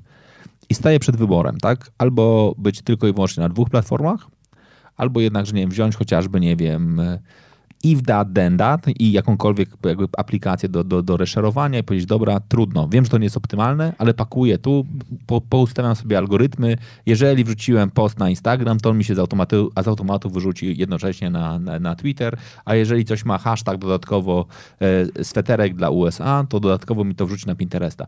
Warto korzystać z, takich, z tego typu rozwiązań, czy generalnie jakby lepiej się skupić po prostu na istnieniu w, w, ja bym, w mniejszej jeśli ilości? to, jest, jeśli to jest mała firma, mniej znana, to skupiasz się na małej liczbie platform, z tego względu, że i tak powinieneś e, wchodzić w interakcję. To jest, to jest mrówcza praca, to jest, wiesz, taka cegiełka do cegiełki, ziarnko do ziarnka, ale powinieneś wchodzić, żeby zdobyć tych użytkowników pierwszych, którzy staną się jakimiś twoimi ambasadorami marki i właśnie tym, tą pozytywną szeptanką, word Mhm. of mouth marketing przekażą informacje swoim znajomym, że produkujesz te świetne szaliczki. A właśnie, poczekaj, bo, bo, bo mam poczucie, że osoby, które nas oglądają, zapomniały o tym, że mają nam komentować i robić szeptankę. Ba, ba, ja bardzo proszę, abyście w tym momencie zaczęli trochę komentować. Możecie na przykład skomentować jakimś brzydkim wyrazem. Na przykład możecie wpisać motyla noga lub cokolwiek innego. Jednakże chciałbym zobaczyć, że szeptanka działa. O, to taki tylko jest mój, mój komentarz, bo jak nie, to będę czytał pytania z offu. A Albo kurcze pióro, też ładne słowo. kurcze czy krucze? Kurcze. Kurcze, czyli od kur, kurcze. Kojarz taki zespół Kabanos kiedyś był. Nie, Nie. Aż, aż, tak, aż tak stary nie jestem. Bez Jak ty? przesady. Jak, jak, Później ci podeślę linka, taki stary e, beczkowy zespół, który te śmieszne kawałki nagrywał. I tam właśnie było motyla noga, kurcze pióro. E, dobra, dygresja, słuchaj, no... Czyli, mm, czyli co? Czyli skupiamy się bardziej na tym, żeby budować relacje na E, wy- wybranych tylko kanałach. Tak, no jak cię nie stać na wybudowanie domu, no to dużego, no to zacznij budować, nie wiem, albo w remontaż to zacznij od jednego pokoju. E, jeśli ogarniesz ten jeden pokój, zdobędziesz tam, wiesz, już będzie ładnie, można tam będzie mieszkać, to pomyślisz wtedy o przybudówce w postaci następnego, mm, następnej jakiejś tam obecności w innym serwisie. E, no to jest właśnie mrówcza praca. Najpierw lepiej się skupić na jednym konkretnym, gdzie działasz, rozmawiasz z tymi fanami, swoimi pierwszymi klientami, dopieszczasz ich na maksa. Pierwsi klienci to muszą być dopieszczeni na maksa przez ciebie. Rozmawiasz z nim, pytasz ich zdanie, czy szaliczek jest dobry, czy szaliczek nie drapie cię w szyjkę za bardzo, czy jest milutki, a czy twojej dziewczynie się podobał ten szaliczek, a ilu twoich znajomych, bo dla twoich znajomych mam zniżkę, jak kupią szaliczek ode mnie, nie tylko wystarczy, że im powiesz. Więc musisz dopieszczać, musisz działać, a nie będziesz tego w stanie zrobić, jeśli od razu na całym spektrum wszystkich aplikacji społecznościowych zaczniesz działać. Chyba, że masz dużo pieniążków i cię stać, żeby zatrudnić osoby, które będą ci w tym pomagały. Okej. O, b- bardzo ładna metafora, ale dz- dzięki, że to powiedziałeś, bo ja też mam, tak- miałem takie absolutne przekonanie, że to jest absolutnie jakby genialne, przedzjawiskowe, w ogóle cudowne. E, pokazanie faktycznie, że zamiast mieć bałagan w 15 pokojach, najpierw posprzątaj jeden Tak. i, i dopiero później idź gdzieś dalej. To jest naprawdę jakby fajne. No dobra. E, o, Bartłomiej. Bartłomiej chce nam tutaj trochę zadać takiego, e, za, za, zabić ćwieka. E, Czy sprzedając usługi na rynku B2B jest sens budować markę, wizerunek w social media? Jak to jest i jaką wtedy platformę wybrać? Jeśli chodzi o B2B, no to najpierw zaczynamy od LinkedIna, zdecydowanie. E, Z tego względu, że przy, przy B2B sprzedają relacje, że to nie jest, e, nie wiem, serek jakiś e, firmy, który mówi do nas z reklamy. To nie jest, wiesz, Coca-Cola czy jakiś inny napój, który też do nas mówi bezosobowo z reklamy. Ale jeśli chcesz B2B sprzedawać, to zazwyczaj są e, osoby, to są produkty, które podpisujesz umowy długoterminowe, to są deale, które są warte dziesiątki, setki tysięcy złotych, jak nie miliony. No nie, no pamiętaj, że też B- B2B to jest też sprzedaż, wiesz, no, No E, tak, ale wiesz, no... krzeseł do, do, restauracji. No. Tak, ale to też nie, nie kupujesz od firmy, tylko musisz z kimś porozmawiać, Mhm. bo to nie jest zakup taki, wiesz, to musisz się zastanowić nad tym zakupem. To nie jest zakup przede wszystkim emocjonalny, Mhm. chociaż jakiś tam element emocji zawsze jest, ale to jest przede wszystkim e, sprzedajesz, ktoś, ktoś ci to sprzedaje, nie sprzedaje ci tego marka, tylko że idziesz do hipermarketu i kupujesz tam krzesła dla sieci swojej restauracji, Mhm. tylko rozmawiasz ze, sprzeda- ze sprzedawcą tych, e, tych krzeseł, tak? I, I ustalasz warunki, On próbuje cię dopieścić, powiedzieć, a do twojej restauracji to te lepsze będą, albo takie, a tutaj dam ci taką zniżkę, jak weźmiesz te. Więc e, przede wszystkim LinkedIn, jeśli chodzi o tą platformę, bo jeśli chodzi o sprzedaż B2B, bo ona mm, na LinkedInie masz szansę nawiązać takie, takie relacje jeden do jednego z konkretnym człowiekiem. Mm, jeśli chodzi o media... Oczywiście spo- rozumiem, że pod warunkiem, że ci twoi klienci są e, na LinkedInie, bo jeżeli jak, się okazuje, Tak. że sprzedajesz B2B, ale twoich klientów tam nie ma, bo jeszcze nie dojrzeli, bo na przykład nie wiem, sprzedajesz do serwisów samochodowych, które według naszych najlepszych danych, siedzimy trochę w automotive, jest dość mało jeszcze w LinkedInie. E, Więcej znajdziemy właścicieli serwisów samochodowych chociażby na Facebooku, ale to jakby typ relacji pod tytułem budo- budowanie jakby takich jeden na jeden, to tam po prostu daje większą szansę. Tak, tak. E, przy takich, e, jak mówisz, na przykład serwisów samochodowych, no to też nie odzywasz się jako marka, tylko też powinieneś No to e, znaczy przy, jako- jako- jako- człowiek, człowiek. jako Mhm. człowiek, bo lepiej nam się rozmawia, tak jak ludzie boją się rozmawiać z robotami, tak? No to Ja się nie E. boję, gadam już tutaj półtorej godziny z, z takim jednym, co siedzi na mnie. A, a, a, a, dzięki, zaczy- dzięki wielkie. Nie? zaczy- Zaczynał od szaptanek. E, więc e, mechanizm jest ten sam. E, no, war, warto zobaczyć, gdzie jest twoja grupa docelowa i, i, i co się będzie działo. E, aczkolwiek, iż ponieważ e, zawsze przede wszystkim e, relacje. Okej. Co tam Tomek Lachowski Tomek, napisał? to, Tomek napisał mega fajne pytanie. Znaczy, czy markom opłaca się wychowywać swoich influencerów na Instagramie, czy, czyli, e, czekaj, czyli de facto inwestować w influ z małymi zasięgami i pomagać im je rozwijać, czy też lepiej pójść sprawdzonym torem i dogadać się z tymi, którzy już mają sporą grupę userów? Krócej, kiedy mikro, a kiedy makro influencer marketing opłaca się marce? Pozdro. E, Tomku, Mega, E, mega pytanie, nie? tak, on wie, jakie mi pytanie zadać. E, A, czyli, czyli to- Tomku, jesteś tym, e, jesteś szeptanką po prostu tutaj, taką trochę. Troszeczkę tak, troszeczkę tak, bo z Tomkiem e, pracujemy razem, więc Wydałeś go. Wydałeś. Wydałem, dobrze i tak można było sprawdzić, jak ktoś kliknął w jego profil.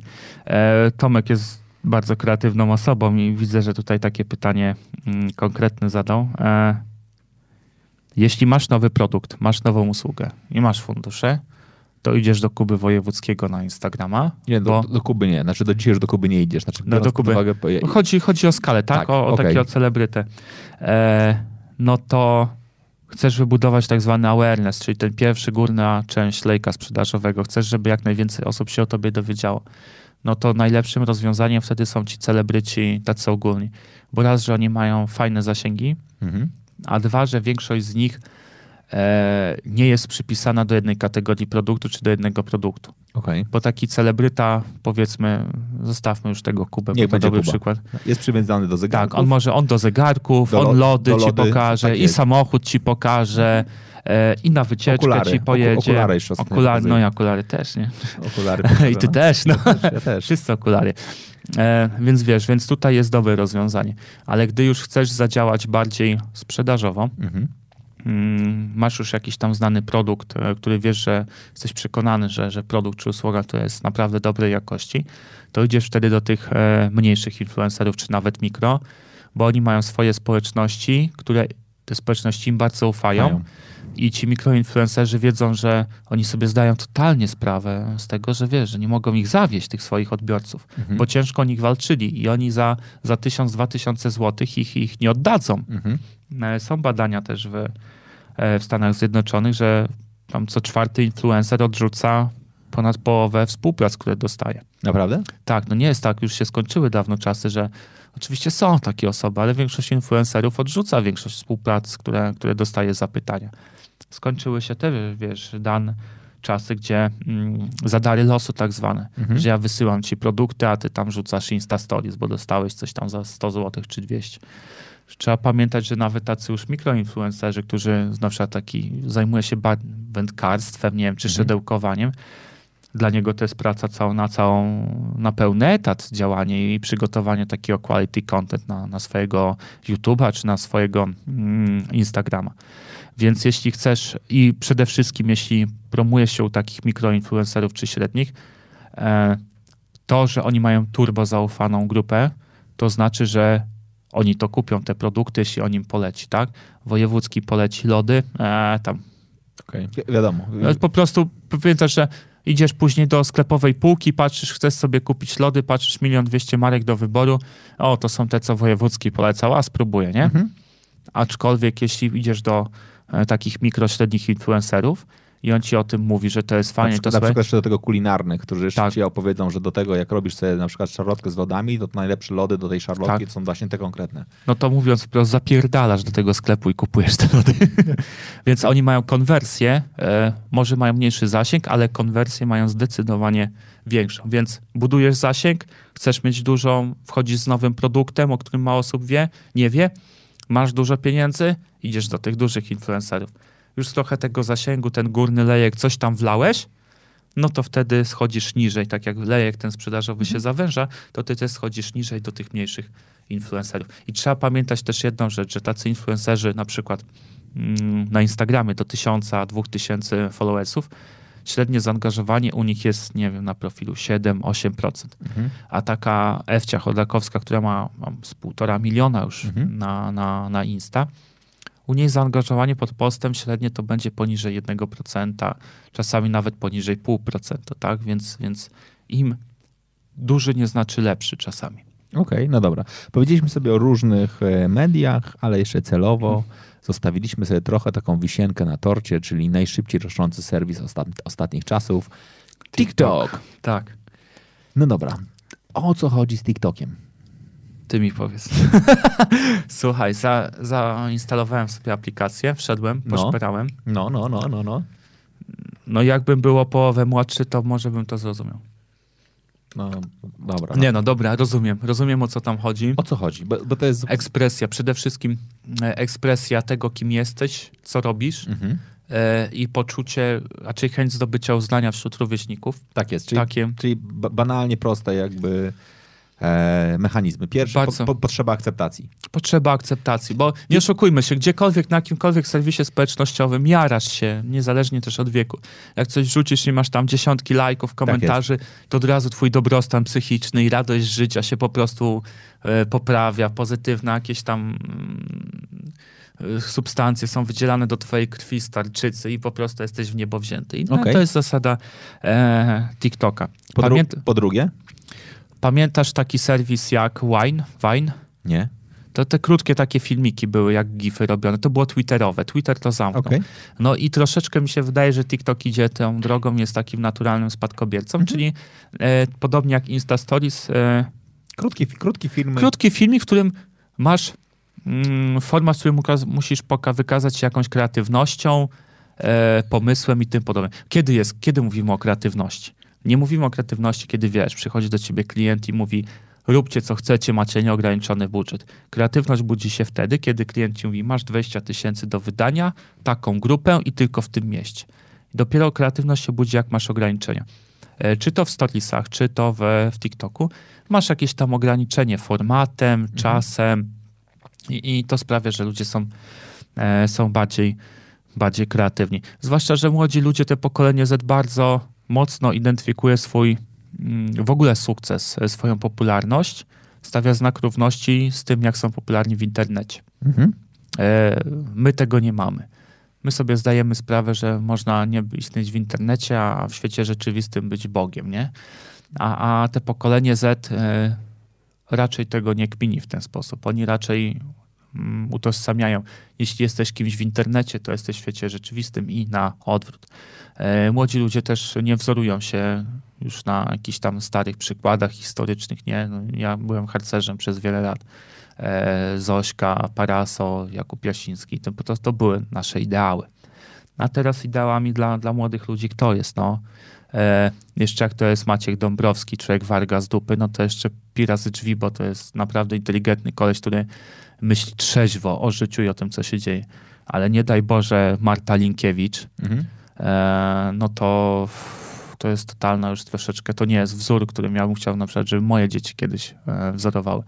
E, więc tutaj masz takie przełożenie smutne. No i, i to jest takie medium TikTok, gdzie, gdzie takich, e, takich e, podobnych mm, idoli sobie znajdują nastolatkowie. Okej. E, I jeszcze jedna kwestia, żeby wiesz, żeby nakręcić dobry e, vlog na YouTubie, żeby napisać bloga z ciekawymi treściami, musisz mieć jakieś skille jednak, Mhm. a do TikToka jednak mi się wydaje, to jest smutne, to jest brutalne, co powiem, ale bariera wejścia jest niższa. Ale wiesz, znaczy ja, ja, będę, ja jednak, że będę tutaj trochę bronił TikToka w kategorii takim, że ja uważam, że naprawdę za nimi stoi e, no, przekozacki mózg, który to wymyślił, bo on wykorzystał jedną z najważniejszych rzeczy. Ja to często po- podkreślam, jak uczę ludzi trochę korzystania z technologii. Zawsze mówię takie moje ulubione zdanie, najpierw nawyk, później technologia. Znaczy najpierw muszę, lu- ludzie muszą wykształcić naturalny nawyk korzystania, a dopiero później musisz im dać technologię. TikTok to wykorzystał, wziął najbardziej naturalny nawyk, pierwo, Tak. pierwotny na- nawyk. Każdy z nas kilka razy, e, jak będąc dzieckiem, darł japę do dezodorantu, udając swoją wielką Tak. gwiazdę, przebierał się za swoją wielką gwiazdę, robił dokładnie te rzeczy. Znaczy, małe dziewczynki bawią się w księżniczki, chłopcy bawią, się w kowbojów, znaczy i tak dalej, i tak dalej, i tak dalej. Później się świat zmienia, to już nie są księżniczki, tylko Gwiezdne Wojny Mhm. i to nie są kowboje, a nie wiem, rycerze Jedi, tak? I, jakby, I to wszystko dalej się jakby utrzymuje i TikTok powiedział, dobra, róbcie dokładnie, to dam to samo, ja wam dam podkład muzyczny, dogadam się ze Spotify'em, weźmiecie sobie 15 Mhm. sekund swojego ulubionego utworu I stańcie się kim chcecie. i stańcie się kim, kim chcecie. Mało tego, dokładnie nie musicie do tego opisywać e, tego w zaawansowanym scenariuszu i tak dalej. Po prostu możecie to zrobić. I na to wszystko nałożył jeszcze jedną rzecz, czyli nieprawdopodobne uznanie. Znaczy jakby chociażby, nie wiem, miejsce, w którym dokładnie na ekranie telefonu jest polub, jest, jest tak naturalne jakby dla, dla, dla przeglądania, że to jest w ogóle coś, co według mnie jakkolwiek by to nie było straszne, to to jest dokładnie ten moment. No to jest po prostu jakby ten moment, w którym po prostu powiedzieli, dobra, znajdźmy sobie najbardziej naturalne be- po- potrzeby, potrzeby ludzi, a następnie ich wrzućmy. A, do, a, że, a, a do tego jeszcze za chwilę dodał challenge, czyli No wszyscy, to- robi, wszyscy robimy to samo. Kto, No, kto, on na challenge'ach TikTok stoi w sumie. kto zrobił do, dokładnie, tak? Przepiękne, no. Straszne. Absolutnie, przera, absolutnie przerażające. Natomiast Czasami w tak, w, niektóre te w kategorii tego, te, złe, ale... tego, co powiedziałeś, e, bycia psychologiem mediów, to to jest faktycznie coś, co tam Jest, tam, a jest, czy- tam jest więcej psychologii niż mediów. Wiesz, ale to jest też e, kwestia tego, jak my konsumujemy nowe technologie, nowe wynalazki. Na początku bawimy się tym, Mhm. dopiero później, jak się już wybawimy daną technologią, danym wynalazkiem, to mm, zaczynamy z tego korzystać w sposób praktyczny. Pierwsze samochody do czego służyły? No nie służyły do przewozu, do jakichś tam wojska i tym podobne, czy nie wiem, do e, biznesu. Pierwszymi samochodami ludzie jeździli po to, żeby mieć fan z jeżdżenia, poruszania się.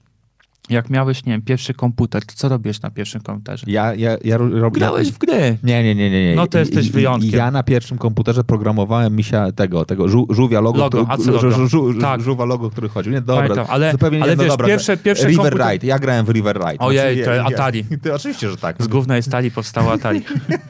Ale to było teraz niemiłe. Ja grałem w Atari, mało tego... najmniej- Ja miałem Commodore 64, Nie no, gdzie, no, o Commodore to ja marzyłem, no po prostu. Ja grałem w River Ride. ale na kasety miałem nie do dyskietki. Jeszcze tym śrubokrętem się kręciło w głowicę, żeby kaseta się wgrała. Ale wiesz, każda technologia ma ten swój motyw, że e, najpierw e, bawisz się nią, a później szukasz użytkownego. Najpierw graliśmy na komputer, wykorzystywaliśmy do rozrywki też głównie gry, tam komunikacja. Me- I to jest też ciekawostka, bo to było jedno z takich pytań nawiązujące do tego, że media społecznościowe na nas źle wpływają. One na nas źle wpływały przez pewien czas, przez dłuższy czas. I rzeczywiście siedzieliśmy jak te debile z, z nosem w komputerze czy w telefonie, ale po pewnym czasie zaczęliśmy widzieć e, to, że media społecznościowe nam e, umożliwiają bardzo dużo rzeczy i poprawić nasze e, życie offline'owe. Ponad 10 lat temu, jak broniłem pracę magisterską, to mój tytuł pracy magisterskiej to było wpływ wykorzystywanych funkcji internetu na dobrostan psychiczny i depresję respondentów diagnozy społecznej 2007. Okej. No, E. Kurwa, wybrał łatwy temat, no. E, Nie było badań w ogóle na świecie praktycznie na ten temat, wiesz, bo to były początki też tak na dobrą sprawę mm, internetu. E, i, i, I to jest taki myk, że teraz jak są nowe już badania na temat tego, jak media społecznościowe wpływają na to, to wychodzi, że my korzystamy też to, co, co nawiązując do tego, co mówiłem, że pokolenie Z bardzo tak wybiórczo z funkcji korzysta internetu i mediów społecznościowych. My korzystamy z mediów społecznościowych dzięki na przykład geolokalizacji, żeby umawiać się na eventy, Tak jest. żeby zobaczyć, czy- że nasi znajomi się tym interesują. Skoro mój znajomy też się tym interesuje, to ja do niego napiszę, ty chodź, idziemy na ten film razem, albo ty chodź, pójdziemy na tą wystawę razem, tak? Mhm. I teraz według najnowszych badań coraz częściej wychodzi, że te media społecznościowe, te aplikacje do komunikacji, Messenger, WhatsApp, Mhm. bardzo nam pomagają w naszym życiu, takim wiesz, social life, nie social mediowym, tylko takim, że spotykamy się z innymi ludźmi, dogadujemy i, i widzimy się face to face to face. Jak my się dogadaliśmy? No, przy, no, no, no, Przez- normalnie. Ja, ja, ja pamiętam, jak ty normalnie stałeś taki sam, siedziałeś na dworcu i czytałeś książkę. To, to wydaje mi się, że to było Mistrz i Małgorzata, jeśli dobrze pamiętam. Mówię, kurwa, Oj, uwielbiam. co, co, co, za, co za fajny gość czyta, czyta Mistrza i Małgorzaty. W tych Tak- czasach, TikToka. Podejdę, zagadnę do, do niego i przyszedłem, cześć, młodzieńcze, co, co czytasz? Nie no dobra. Dziękuję, dziękuję. Poznaliśmy się, na, na, tak, poznaliśmy się w, e, No, w, więc widzisz, więc- w więc mediach tutaj- społecznościowych. Więc tutaj jest o tyle fajnie, że, że te media społecznościowe naprawdę nam pomagają a, w życiu takim konkretnym, takim rzeczywistym. E, I już nie, no, są też zdjęcia, gdzie w latach dwudziestych ludzie siedzieli na, e, w pociągu czy w jakimś Tak autobusie i czytali gazety, nie? Tak jest. No teraz mamy telefony, no je- jeden pies w sumie, no co tam, ale też nie rozmawialiśmy ze sobą, nie rozmawiali w tych czasach. E, no więc z jednej strony, bo tam było jeszcze pytanie Mariusz Szymański, dobrze pamiętam, że to Mariusz zapytał, O co? e, że świat na Instagramie nie wygląda tak samo, że A. jest wyidealizowany. I to jest prawda, to jest niestety duży problem też Instagrama z tego względu, że jakieś dziewczynki, chłopaki, którzy są tam takimi mikroinfluencerami, mają parę tysięcy followersów, wrzucają zdjęcia, które nie są rzeczywiste. To tak jakbyś zrobił, przeżył cały dzień od, od e, pobudki do, do pójścia spać. W tym czasie zrobił pięć- 500 zdjęć Mhm. i to pokazuje twoje całe prawdziwe życie, te 500 zdjęć, Mhm. ale z tego wybierasz trzy najlepsze. Je zamieszczasz w mediach społecznościowych i osoby, które cię obserwują, myślą, że twój cały dzień był tak wyjebisty w kosmos, tak? Ale ja myślę, a, a, ja myślę, że to jeszcze dotykasz moim zdaniem e, dość e, małego problemu, tak? No bo faktycznie jakby ktoś, ludzie, jakby ktoś popa- popatrzył na przykład nie na mój Instagram, to powiedział, ten gość to ma fajne życie, on właściwie całe życie jeździ różnymi windami, tak? I on po prostu, no ja tak jestem, jestem, jestem świrem ele, ele, elevator selfie i faktycznie jakby to jest coś, co, e, co uwielbiam. Ale to nie jest problem. Moim zdaniem większy problem jest to ta afera dokładnie, która wyszła nie tak dawno, czyli z gościem, który robił wszystkie swoje zdjęcia absolutnie jakby w pełni, e, no fejkowe, tak? Znaczy zdjęcie zrobione na, na greenboxie, na fotelu, który wsadził do samolotu. Czytałem to dzisiaj, taki dziewiętnastolatek, 19-latek. który specjalnie zrobił eksperyment, że I będzie... Wywalił wszystkich w kosmos, wszyscy powiedzieli, wow, on jest absolutnie przekozacki. No. Nagle miał 20 tam razy więcej lajków pod zdjęciami, że ludzie lepiej i chętniej robili, do zostawiania mu interakcje pod postami, które e, widzieli, że są luxury, tak, i No. premium. Bo chcemy tacy być. My No. też chcemy być luxury, chcemy też być premium, tak, i dążymy gdzieś tam w tym wyścigu szczurów, e, zwłaszcza ci młodzi chcą być tacy, oni wierzą, że mogą tacy być, tak. E, No dobra, i ja, ja nie mam nic problemu, ja nie mam w ogóle problemu z tym, że ludzie dążą do tego, żeby tacy być, pod warunkiem, że faktycznie dążą, a nie dążą, żeby być tacy na Instagramie. Znaczy, bo jest, jest różnica pomiędzy tym, że dążę do tego, żeby latać sobie pierwszą klasą w samolocie, a, a nie, że po prostu sobie siadam w pierwszej klasie, robię zdjęcie, po czym idę, wychodzę z tego samolotu tak naprawdę jadę tramwajem. No. Dobra, to wiesz, to jest nawet e, usługa w niektórych krajach na lotniskach, że te wszystkie trendy instagramer, instagramerki, ładne, wiesz, dziewczynki 90, 69, 60, wiesz, super figura, super włoski zrobione, one sobie wynajmują na przykład we trzy taki samolot na dwie godziny, biorą fotografa, tam opierdoli tysiąc zdjęć i mają, wiesz, że są luxury life. Są takie usługi, wynajem samolotu na pasie startowym do sesji. Naprawdę? I są dziewczyny, które z tego korzystają, instagramerki. Żeby pokazać, że niby lecą, nie? Bo jak zrobisz w środku i tam coś za oknem jest, no to nie widać, że ona nie leci, tak? I robi wrażenie, że rzeczywiście lata. To jest po prostu samolot, stoi. Skoro nie ma wolnych przelotów, no to tam przynajmniej kilkaset dolarów za taką sesję, wiesz, przytulą. Ale to też jest e, psychologiczny taki aspekt duży, że mamy swoje ja idealne i ja rzeczywiste. Mhm. E, zdajemy sobie sprawę z tego, jakie te ja rzeczywiste jest, że ono e, zawsze jest, e, rozjeżdża się z tym Mhm. ja, ja wymuskanym, tym idealnym, do którego e, dążymy. I Instagram to jest taki targowisko próżności, taki Vanity Fair, gdzie e, nie, nie chcemy raczej pokazywać ja idealnego, tylko chcemy, raczej ja, Ja- takiego ja prawdziwego, rzeczywistego, ja- rzeczywistego, tylko chcemy dążyć do, do pokazania tamtego ja idealnego. A to w ogóle dotknąłeś w ogóle bardzo ciekawej rzeczy, bo y, ja trochę nigdy w ten sposób na to nie patrzyłem. Zastanawiam się trochę, czy na przykład z kolei to nie pomaga chociażby takim ludziom jak psychoterapeuci. Znaczy, bo to jest ciekawe w ogóle, że tak naprawdę jest to bardzo ciekawe źródło tego, że już po, przy, w połowie pierwszej sesji jesteś znacznie dalej z pacjentem niż kiedyś po trz- 13. No. Oglądałeś Black Mirror? Tak? E, odcinek z aplikacją, gdzie każdy każdego oceniał. Nie? E, to był pierwszy odcinek ostatniego sezonu, trzeciego, Okej. czwartego, To nie, do- nie dotarłem. e, gdzie e, każdą czynność, którą zrobiłeś, każdy był połączony przez aplikację i mogłeś oceniać w skali od 1 do 5. E, dochodziło do takich sytuacji, że jak chciałeś kupić e, mieszkanie w ekskluzywnej dzielnicy, to musiałeś mieć średnią ocen 4,7, nie?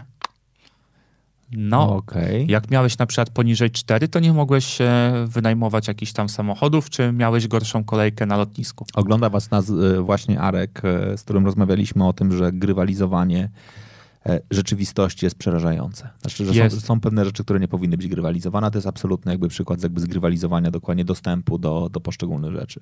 Tak, i wiesz, i, i to jest e, troszeczkę tak, że w tym odcinku był ogólnie zawód psychoterapeuty, e, który podchodziłeś do, mm, szedłeś na kozetkę i taki psycholog mówił ci, no tutaj e, w ten tydzień ci bardzo spadła średnia, e, zobacz, że tutaj zdjęcia e, twoje miały bardzo niską ocenę, co tu się tak, taki psychoterapeuta twojego wyniku O w Jezus tej aplikacji. Więc e, wiesz, no Okej.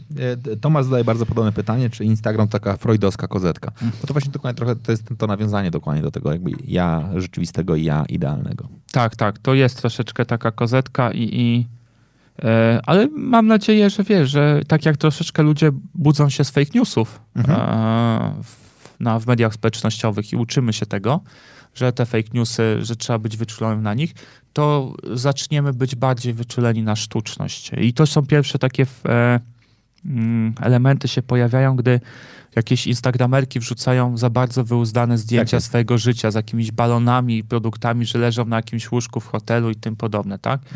I coraz więcej komentarzy się pojawia, że, że tak nie wygląda życie, dziewczyno, no my chcemy twojego prawdziwego życia, jak ty żyjesz, co robisz, jak jesz, jak. Mówi, ona mówi, naprawdę, ja, ja naprawdę jem tylko takie ładne, takie ładne owsianki. Ja jeszcze nigdy w życiu nie zjadłem brzydkiej owsianki, bo ja za każdym razem po, po, po, poświęcam na każdą swoją No. owsiankę przynajmniej trzy godziny, żeby ją udekorować, a No dopiero to, później no ją to zjadam. e, Ania Lewandowska dostała w ciry za swoje owsianki, nie? Bo takie Tak? były drogie, wyuzdane, a laski tam pisały, kobieto, kto ma taki czas rano, jak ma trójkę dzieci, kto ma czas takie wyuzdane owsianki robić i karmić, nie? Z jakimiś tam owocami czegoś tam, co trzeba z drugiego końca świata sprowadzać, nie? Okej, Więc, to, to jest pewnie ten. To, więc, to, więc troszeczkę e, się uczymy tego i, i wi- zaczynamy się uczyć tego, że e, widzimy, gdzie jest prawda, gdzie fałsz, gdzie jest e, przegięcie, tak?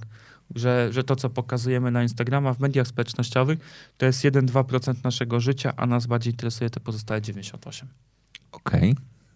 Myślisz, że ludzie pokażą to 98? Bo to jest ciekawe, no bo jednakże jakoś... Dużo jak- pokazuje. Z jakiegoś... Naprawdę? Dużo pokazuje, no. E, znaczy, z jednej strony dużo osób pokazuje, bo jesteśmy ciekawi, jak żyje przeciętny celebryta, tak? Mhm. Jakie jest przeciętne życie zwykłego celebryty. Ale z drugiej strony widzisz, no to jest, to zależy od ludzi, czego ludzie potrzebują, bo są ludzie, którzy będą potrzebowali właśnie zobaczyć, jak żyje celebryta poza blaskiem fleszy, planu zdjęciowego, Mhm. etc.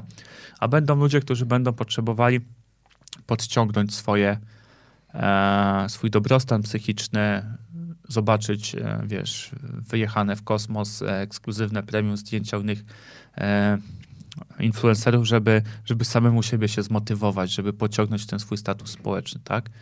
Więc to zawsze wyjdzie, wychodzi od ludzi, od tego, czego oni pragną i, i zawsze będą grupy, które będą potrzebowały tego, tego i tego. Okej. Czyli podsumowując trochę dzisiaj naszą e, rozmowę, taka e, złota e, strategia osiągania sukcesu to po pierwsze musisz zainwestować w dobre zdjęcia w samolocie. Wiem, wiemy o tym, że gdzie te zdjęcia można zrobić i, i jak zrobić. Następnie musisz kupić sobie kilka osób, które będą robili ci te e, e, Szeptankę. szeptankę. Jak już masz szeptankę, to skup się najpierw na jednym e, kanale, na przykład Instagramie, zasyp go, jak zbudujesz, to później sobie przybudówkę z Twittera, jak już zrobisz przybudówkę z Twittera, to później salon e, z Pinteresta i generalnie jeszcze to straszne. Straszne. A najlepsze jest to, że to naprawdę wymaga od cholery roboty i czasu poświęconego i nie daje ci gwarancji sukcesu w tym natłoku, co teraz jest. I to jest moim zdaniem bardzo ważną rzecz poruszyłeś.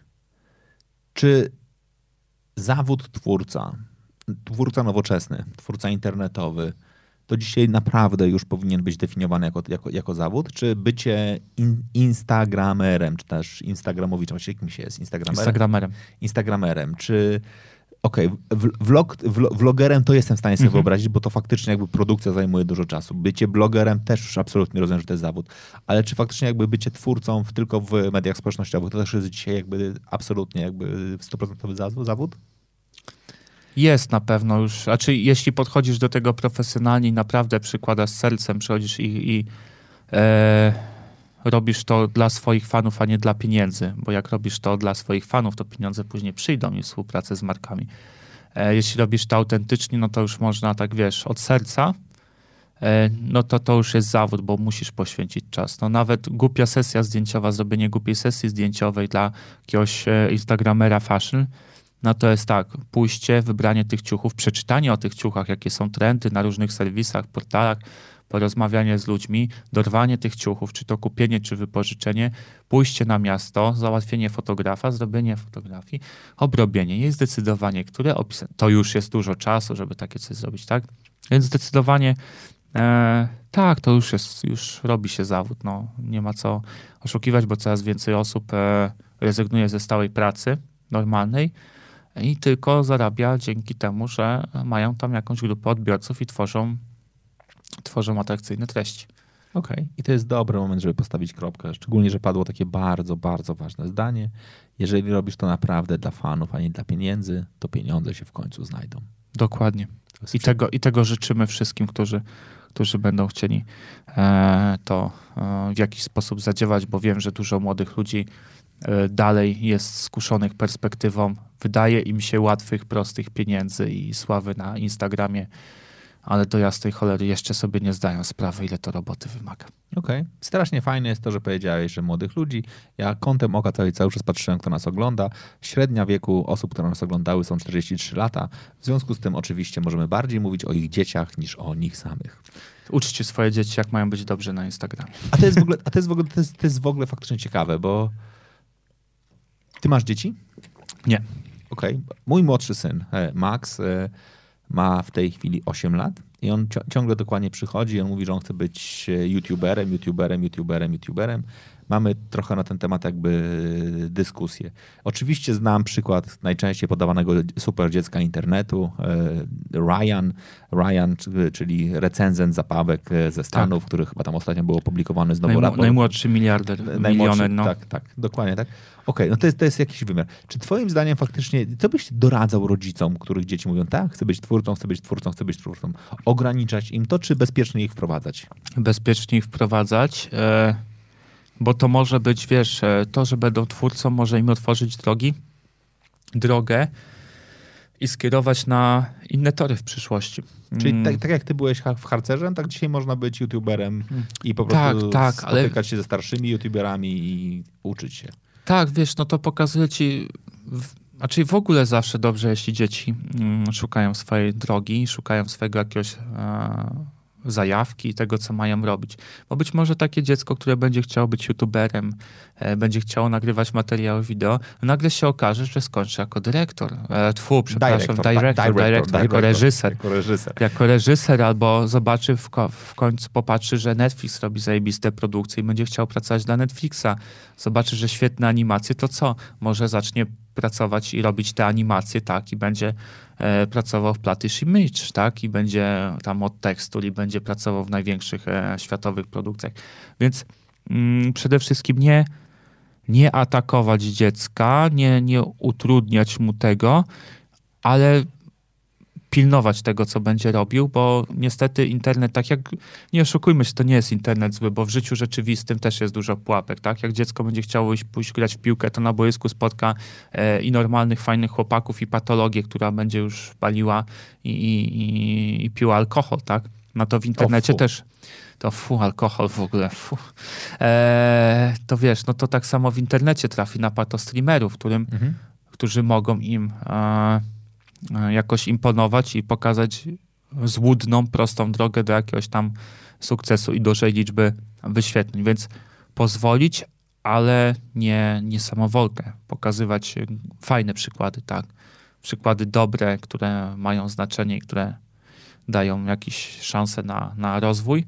I przede wszystkim pokazać, że, że nie ma łatwych dróg, nawet w internecie. Nie Okej. ma już łatwych dróg i na skróty. No dobra. I to jest już absolutnie dobry moment na to, żeby postawić e, kropkę. Tomasz jeszcze mówi, to kiedy na studia, na uczelniach pojawią się studia kończące się dyplomem magistra influencera? Ja nie wiem, czy już podobnych kierunków nie ma, przynajmniej na podyplomówkach, i to już jest dosyć mocny temat, który jest na studiach e, przerabiany. Wiesz, no już parę lat temu były studia e, gdzieś chyba w Japonii na temat branży porno, że byłeś, kończyłeś, miałeś reżyser, tytuł ma reżysera porno, czy tam Myślałem, że aktora. producenta. Myślałem, że był, był, Chyba też była jakaś tam specjalizacja, więc ja nie będę zdziwiony, jak już gdzieś na którejś z uczelni to będzie. A tu jest, dobra, bo już zaraz poruszę kolejny temat. No, E, dawaj, dawaj, dawaj. e, to, O. czego się uczy dzieci w szkołach. O nie, E. nie, to, to nie, nie skończymy audycji. No dobra. No, że wiesz, że teraz dzieci i młodzież e, nie oczekuje nauki mm, historii, geografii, matematyki. Oni chcą wiedzieć, jak robić dobre zdjęcie na Instagrama. To prawda. Oni chcą wiedzieć, jakim programem, jaką aplikacją zmontować swój własny film na, na, na YouTube'a. Tak? I, I tutaj też jest e, dosyć duża zmiana, ale to już, tak jak mówimy, zostawmy edukację. Okej, no dobra. To ja bardzo ci serdecznie dziękuję. Ja również dziękuję Ci za Eee. zaproszenie. Waszym gościem dzisiaj był Artur Roguski z... e, z bloga ysosocial.pl, e, agencji komunikacji PR-owej e, Diffusion Communication. Oczywiście wrzucimy linki do tych miejsc. I z Warszawy. W, w komentarzach, a my dzięki, dziękujemy wam bardzo e, serdecznie. Gdy zmrok zapada, do głosu dochodzą mocne marki. Herra on Air. Nocne rozmowy o sporcie, biznesie i przedsiębiorczości. Wyjątkowi goście, aktualne tematy. Mówimy jak jest. Bez ściemy, cenzury i kompromisów. Na żywo. Zaczynamy. Cisza w eterze. Oddajmy głos Herze.